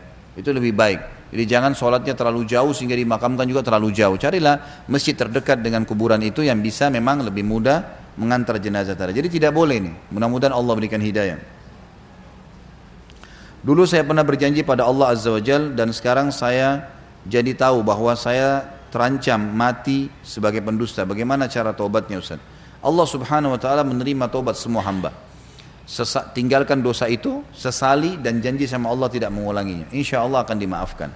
Allah maha menerima ham, taubat hamba-hambanya. Bagaimana hukumnya masjid dijadikan tempat pemasangan tower untuk telepon seluler? Karena kita tahu bahwa telepon itu alat untuk komunikasi, dari komunikasi yang baik sampai kepada yang gibah. Tentu saja lebih baik jangan, lebih baik jangan. Ya. Kalau di, di, di luar masjid mungkin lebih tidak ada masalah. Itu lebih baik aman. Am, lebih amannya jangan karena masjid memang lebih baik tidak bercampur dengan urusan duniawi ini. Gitu. Jangan ada urusannya di situ. Kalaupun misalnya kayak tadi ada aula karena ada acara perkawinan, perkawinan bagian daripada syariat, gitu kan? Enggak ada masalah. Lebih baik amannya jangan. Walaupun ada masukan buat masjid ya, jadi jangan cuma dipikirin ada duit yang masuk. Masjid nggak butuh itu kok, gitu kan? Masjid insya Allah ada penyumbangnya orang kalau sholat Jumat kayak di Indonesia ada celengan yang menerima sumbangan itu insya Allah akan ada. Apa yang harus dilakukan jika ciri-ciri orang munafik itu ada pada diri di diri kita atau pasangan kita? Tentu harus ditinggalkan. Sudah tahu tinggalkan. Jangan dibiarkan karena itu penyakit ya. Itu penyakit. Perbuatan dosa itu seperti penyakit dalam tubuh. Kalau kita biarkan tidak diobati maka dia akan menyebar menyebar ke mana-mana menjadi penyebab kerusakan organ yang lain. Itu. Orang yang biasakan dusta atau ingkar janji atau khianat amanah dan dia biarkan itu akan mengganggu semua yang lainnya nanti. Ke mana-mana maka akan berbahaya buat dia. Mendengar dari ciri-ciri isi neraka sebagai wanita begitu dekat sekali dengannya lalu apa saja yang harus saya lakukan sebagai muslim atau istri yang baik yang sesuai dengan tuntunan Allah SWT dan sunnah Nabi SAW Itulah tadi jawabannya di pertanyaan ibu sendiri yang terakhir. Ibu harus patuh kepada Allah dan Rasulnya. Apa yang diperintahkan oleh Allah dan Rasulnya kerjakan. Suami disuruh bakti. Suami adalah boneka tanda kutip yang Allah titipin. Ini suamimu ya. Layani dia, penuhi kebutuhannya, masak buat dia, didik anaknya. Karena saya, karena Allah maksudnya. Karena Allah, Allah mengatakan, maka saya akan berikan pahala. Kerjakan karena Allah, jangan karena suami. Karena kalau karena suami kita nanti jadi ada saatnya kita jengkel, ada masalah, nanti kita tidak jalan kewajiban. Sama bapak-bapak juga begitu. Istri ini tanda kutip boneka Allah ini istrimu ya, berikan nafkah dari hasil keringatmu, naungin dia, lindungi dia, didik dia. Karena saya, saya akan berikan pahala, kata Allah SWT. Jadi harusnya begitu. Jadi jadikan pasangan. Anak-anak, anak-anak juga adalah amanah dari Allah. Didik mereka ikhlas karena Allah, Allah akan kasih pahala. Orang tua kita bakti karena Allah. Kita bersodokah, berinteraksi sama orang, apa saja karena Allah SWT berada di rel agama itu sudah benar. Dan ikuti Allah dan Rasulnya. Itu saja yang anda lakukan. Insya Allah akan aman. Dan sabar sedikit meninggal dunia. Lakukan ketaatan. Jangan pernah terpengaruh dengan cacian orang hinaan orang. Kamu alimnya kamu begini. Biarin aja dia ngomong. Nggak masalah. Gitu kan. Jadi istiqomah aja di agama Allah Apa betul sholat fajar itu sholat mohon rezeki atau boleh untuk memohon yang lain? E, kapan dikerjakan? Tidak ada hubungannya. Kalau hadis menjelaskan dua rakaat sunnah fajar antara azan dan iqamah subuh adalah lebih baik daripada dunia dan seluruh isinya. Hanya itu konsepnya. Kan? Apakah dia nanti mendatangkan rezeki? Allah alam. Saya tidak pernah temukan dalilnya. Bagaimana cara Rasulullah SAW mendoakan kedua orang tuanya mengacu pada riwayat bahwa ayah ibu Rasulullah ada di neraka? Tentu saja orang tua yang kafir tidak didoakan, gitu kan? Dan itu yang dia, itu penyampaian baginda Nabi SAW kepada kita, riwayat Imam Muslim. Kalau ayah dan ibu beliau di neraka, dan ada nabi sebelum beliau sudah mendahul, memang sudah begitu Nabi Ibrahim, kaki kesekiannya Nabi Muhammad SAW, ayahnya Azar meninggal dalam keadaan kafir. Di atasnya lagi kakeknya Nabi Nuh, istri dan anaknya, gitu kan? Dalam keadaan kafir itu sudah ada sunnatullah. Tentu saja kalau dalam keadaan kafir ada riwayat-riwayat yang menjelaskan tidak akan diterima oleh mereka riwayat tersebut. Sebagaimana riwayat tentang ibu beliau. Ya, dalam riwayat Imam Muslim pernah Nabi SAW menziarahi kuburan Aminah ibu beliau di Rabwa, wilayah dekat Mekah. Kemudian beliau menangis terisak-isak. Kata Umar, ya Rasulullah, kami belum pernah lihat anda menangis seperti ini kecuali di Uhud. Pada saat paman anda Hamzah terbunuh. Kata Nabi SAW, ini kuburan ibu saya wahai Umar. Saya memohon kepada Allah untuk menziarahinya, saya diizinkan. Saya mohon kepada Allah untuk ya beristighfar. Memohon ampun, saya tidak diizinkan. Gak boleh lagi memang mendoakan orang mati. Dan itu Nabi SAW tidak mendoakan, tidak beristighfar. Gitu ya.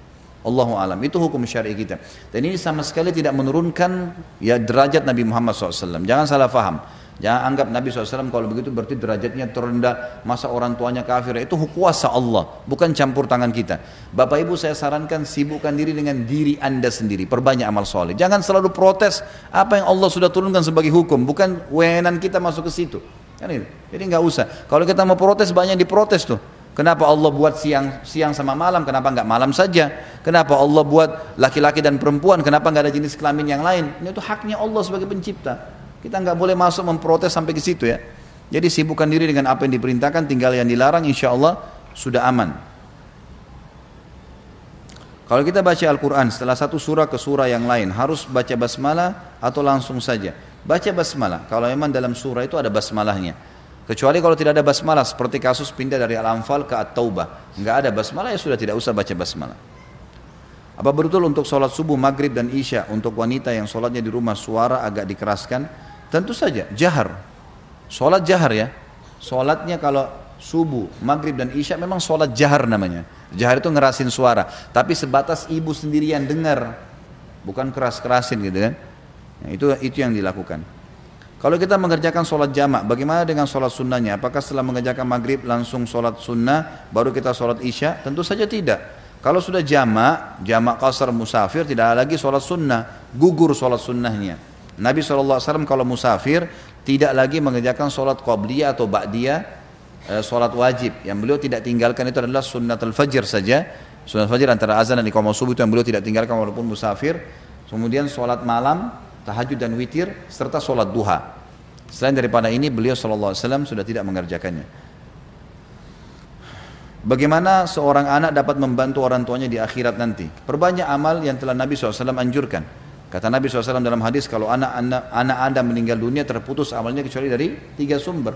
Sadaqah jariyah, setiap ada sumbangan-sumbangan sosial, ibu dan bapak libatkan, niatkan dalam hati buat orang tuanya, nggak usah sebut namanya masukkan di kotak amal ini buat orang tua saya dalam hati niatin Allah sudah tahu gitu kan sumbang Al-Quran buat para penghafal Quran gitu kan.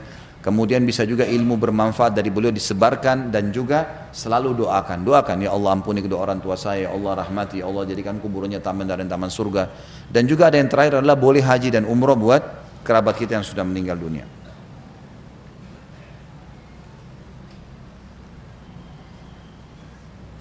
Kalau kita tidak menghadiri acara maulid, tahlil ataupun perayaan lainnya tapi kita dapat kiriman makanannya bagaimana hukumnya? Bolehkah kita terima atau kita makan? Saran saya diberikan kepada orang lain yang tidak tahu. Yang tidak tahu dari mana sumbernya makanan itu seperti fakir miskin di depan rumah dan seterusnya. Itu jauh lebih aman. Apakah wanita dalam keadaan ihram tidak boleh melihatkan auratnya sama wanita seperti kaki atau rambut? Boleh saja. Sama wanita boleh, nggak ada masalah. Makanya pada saat tahallul mencukur rambut, boleh wanita mencukur rambut temannya. Kalau jemaah saya biasa saya katakan ibu-ibu silakan saling mencukur tahalur rambutnya. Kalau bapak-bapak ikut saya ke tempat cukurnya memang harus dari seluruh penjuru kepala gitu. Mencium hajar aswad sunnah apakah bisa haram kalau wanita berdesakan rinciannya? Jawabannya iya. Ulama mengatakan bisa jadi haram kalau dipaksakan. Nggak boleh. Karena sunnah. Ingat, ada hadis Bukhari menjelaskan Nabi Muhammad SAW di zaman beliau ya, di zaman beliau masih kosong masih kosong tawaf, bisa cium hajar aswad kapan saja. Beliau pernah tawaf di atas unta dan tidak cium hajar aswad. Berikan isyarat dengan tangan di atas untanya. Berarti itu bukan kewajiban, itu sunnah. Apalagi sekarang, kalau sekarang saya selalu larang jemaah saya. Karena sudah jadi fitnah. Orang siku-sikuan, orang pukul-pukulan, untuk apa nih? Gitu kan? Lebih baik jangan. Berikan isyarat dengan tangan selesai. Kalau memang ada kemudahan, Alhamdulillah. Terutama ibu-ibu jangan sudah. Secara mutlak sekarang jangan. Kecuali ada peraturan nanti diterapkan oleh kerajaan Saudi yang bisa rapi, ada antri, segala itu lain. Tapi kalau enggak maka nggak bisa. Saya kemarin sempat bicara sama salah satu teman saya di Saudi. Saya bilang kenapa nggak dibuatin tempat antri, ada tempat antri dan masuk polisi jaga di tempat masuk, jaga di tempat keluar. Dari mulai Hijir Ismail itu melengkung. Jadi orang kan cuma sebentar cium keluar. Itu jadi tidak desak-desakan kayak sekarang gitu. Nah ini mudah-mudahan bisa jadi masukan karena beliau sering berbicara dengan pihak-pihak yang bertanggung jawab. Mau tanya di luar tema, dari tadi luar tema semua. Cuma satu dua yang enggak gitu.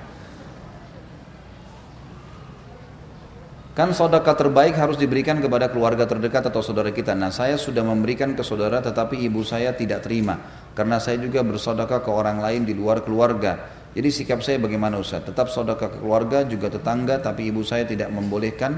Akhirnya kalau ibu saya tanya saya bohong. Sebenarnya berikan tanpa memberitahukan kepada ibu. Dan kita juga harus tahu dulu kenapa ibu anda nolak nih. Apa sebabnya? Kalau ibunya ibu anda nolak karena dia merasa dia lebih berhak, maka harus ibu didahulukan. Mungkin masih ada hajatnya ya. Karena pernah terjadi di dalam hadis Bukhari, pernah ada sahabat laki-laki kaya dia, tapi ada salah satu anaknya miskin, sudah berumah tangga anaknya ini. Lalu sahabat ini bawa duit kasih ke tangannya orang miskin di depan masjid Nabi. Anaknya datang ngambil uang itu dari tangannya orang miskin. Ayahnya marah, kenapa kau ambil? Dia bilang saya lebih pantas ayah. Saya sampai nggak punya makanan hari ini, kenapa? Anda bantu dia, nggak bantu saya gitu. Ayahnya lapor ke Nabi SAW. Lalu Nabi SAW berkata kepada si ayah, kau telah dapat sesuai dengan niatmu. Niat sadaqah sudah kau dapatkan. Lalu dikatakan kepada anak, kau berhak menikmati itu. Hakmu itu ambil uang. Berarti memang di sini orang yang terdekat lebih pantas dibantu, gitu kan? Dan ingat, bantuan itu jauh lebih besar pahalanya kalau terfokus menyelesaikan masalah. Misal, saya punya zakat mal 10 juta rupiah. Ada 10 orang tetangga yang miskin. Ya? Ada empat orang di antara mereka punya utang 2 juta setengah, 2 juta setengah, masing-masing 10 juta. Mana lebih baik saya bagi masing-masing sejuta tapi masalah mereka belum selesai atau saya fokus empat orang selesai empat orang masalahnya yang empat orang selesai masalahnya itu lebih afdal kan? karena clear dia sudah selesai dari masalah pada saat itu lebih baik daripada kita pecah-pecah zakat di sini sepuluh ribu sepuluh ribu sepuluh ribu atau seratus seratus ribu lebih baik satu orang terlilit utang lunas utangnya bebas hidupnya itu lebih afdal kata ulama jadi di sini kita lihat masalahnya ibu anda kenapa nolak nih Mungkin dia rasa dia lebih perlu, kan gitu. Tapi kalau misalnya memang hajat ibu sudah terpenuhi, maka tidak usah bicara sama ibu, kan gitu. Kalau ditanya apakah kau bantu lagi tetangga, ya secukupnya. Untuk apa bantu gini ya sudah nggak usah bantah, gitu kan? Tidak usah dibantah, diam saja, gitu kan? Dan lain kali lakukan tidak usah diberitahukan. Dan memang sama orang tua pun lebih baik kita tidak menceritakan. Allahu alam.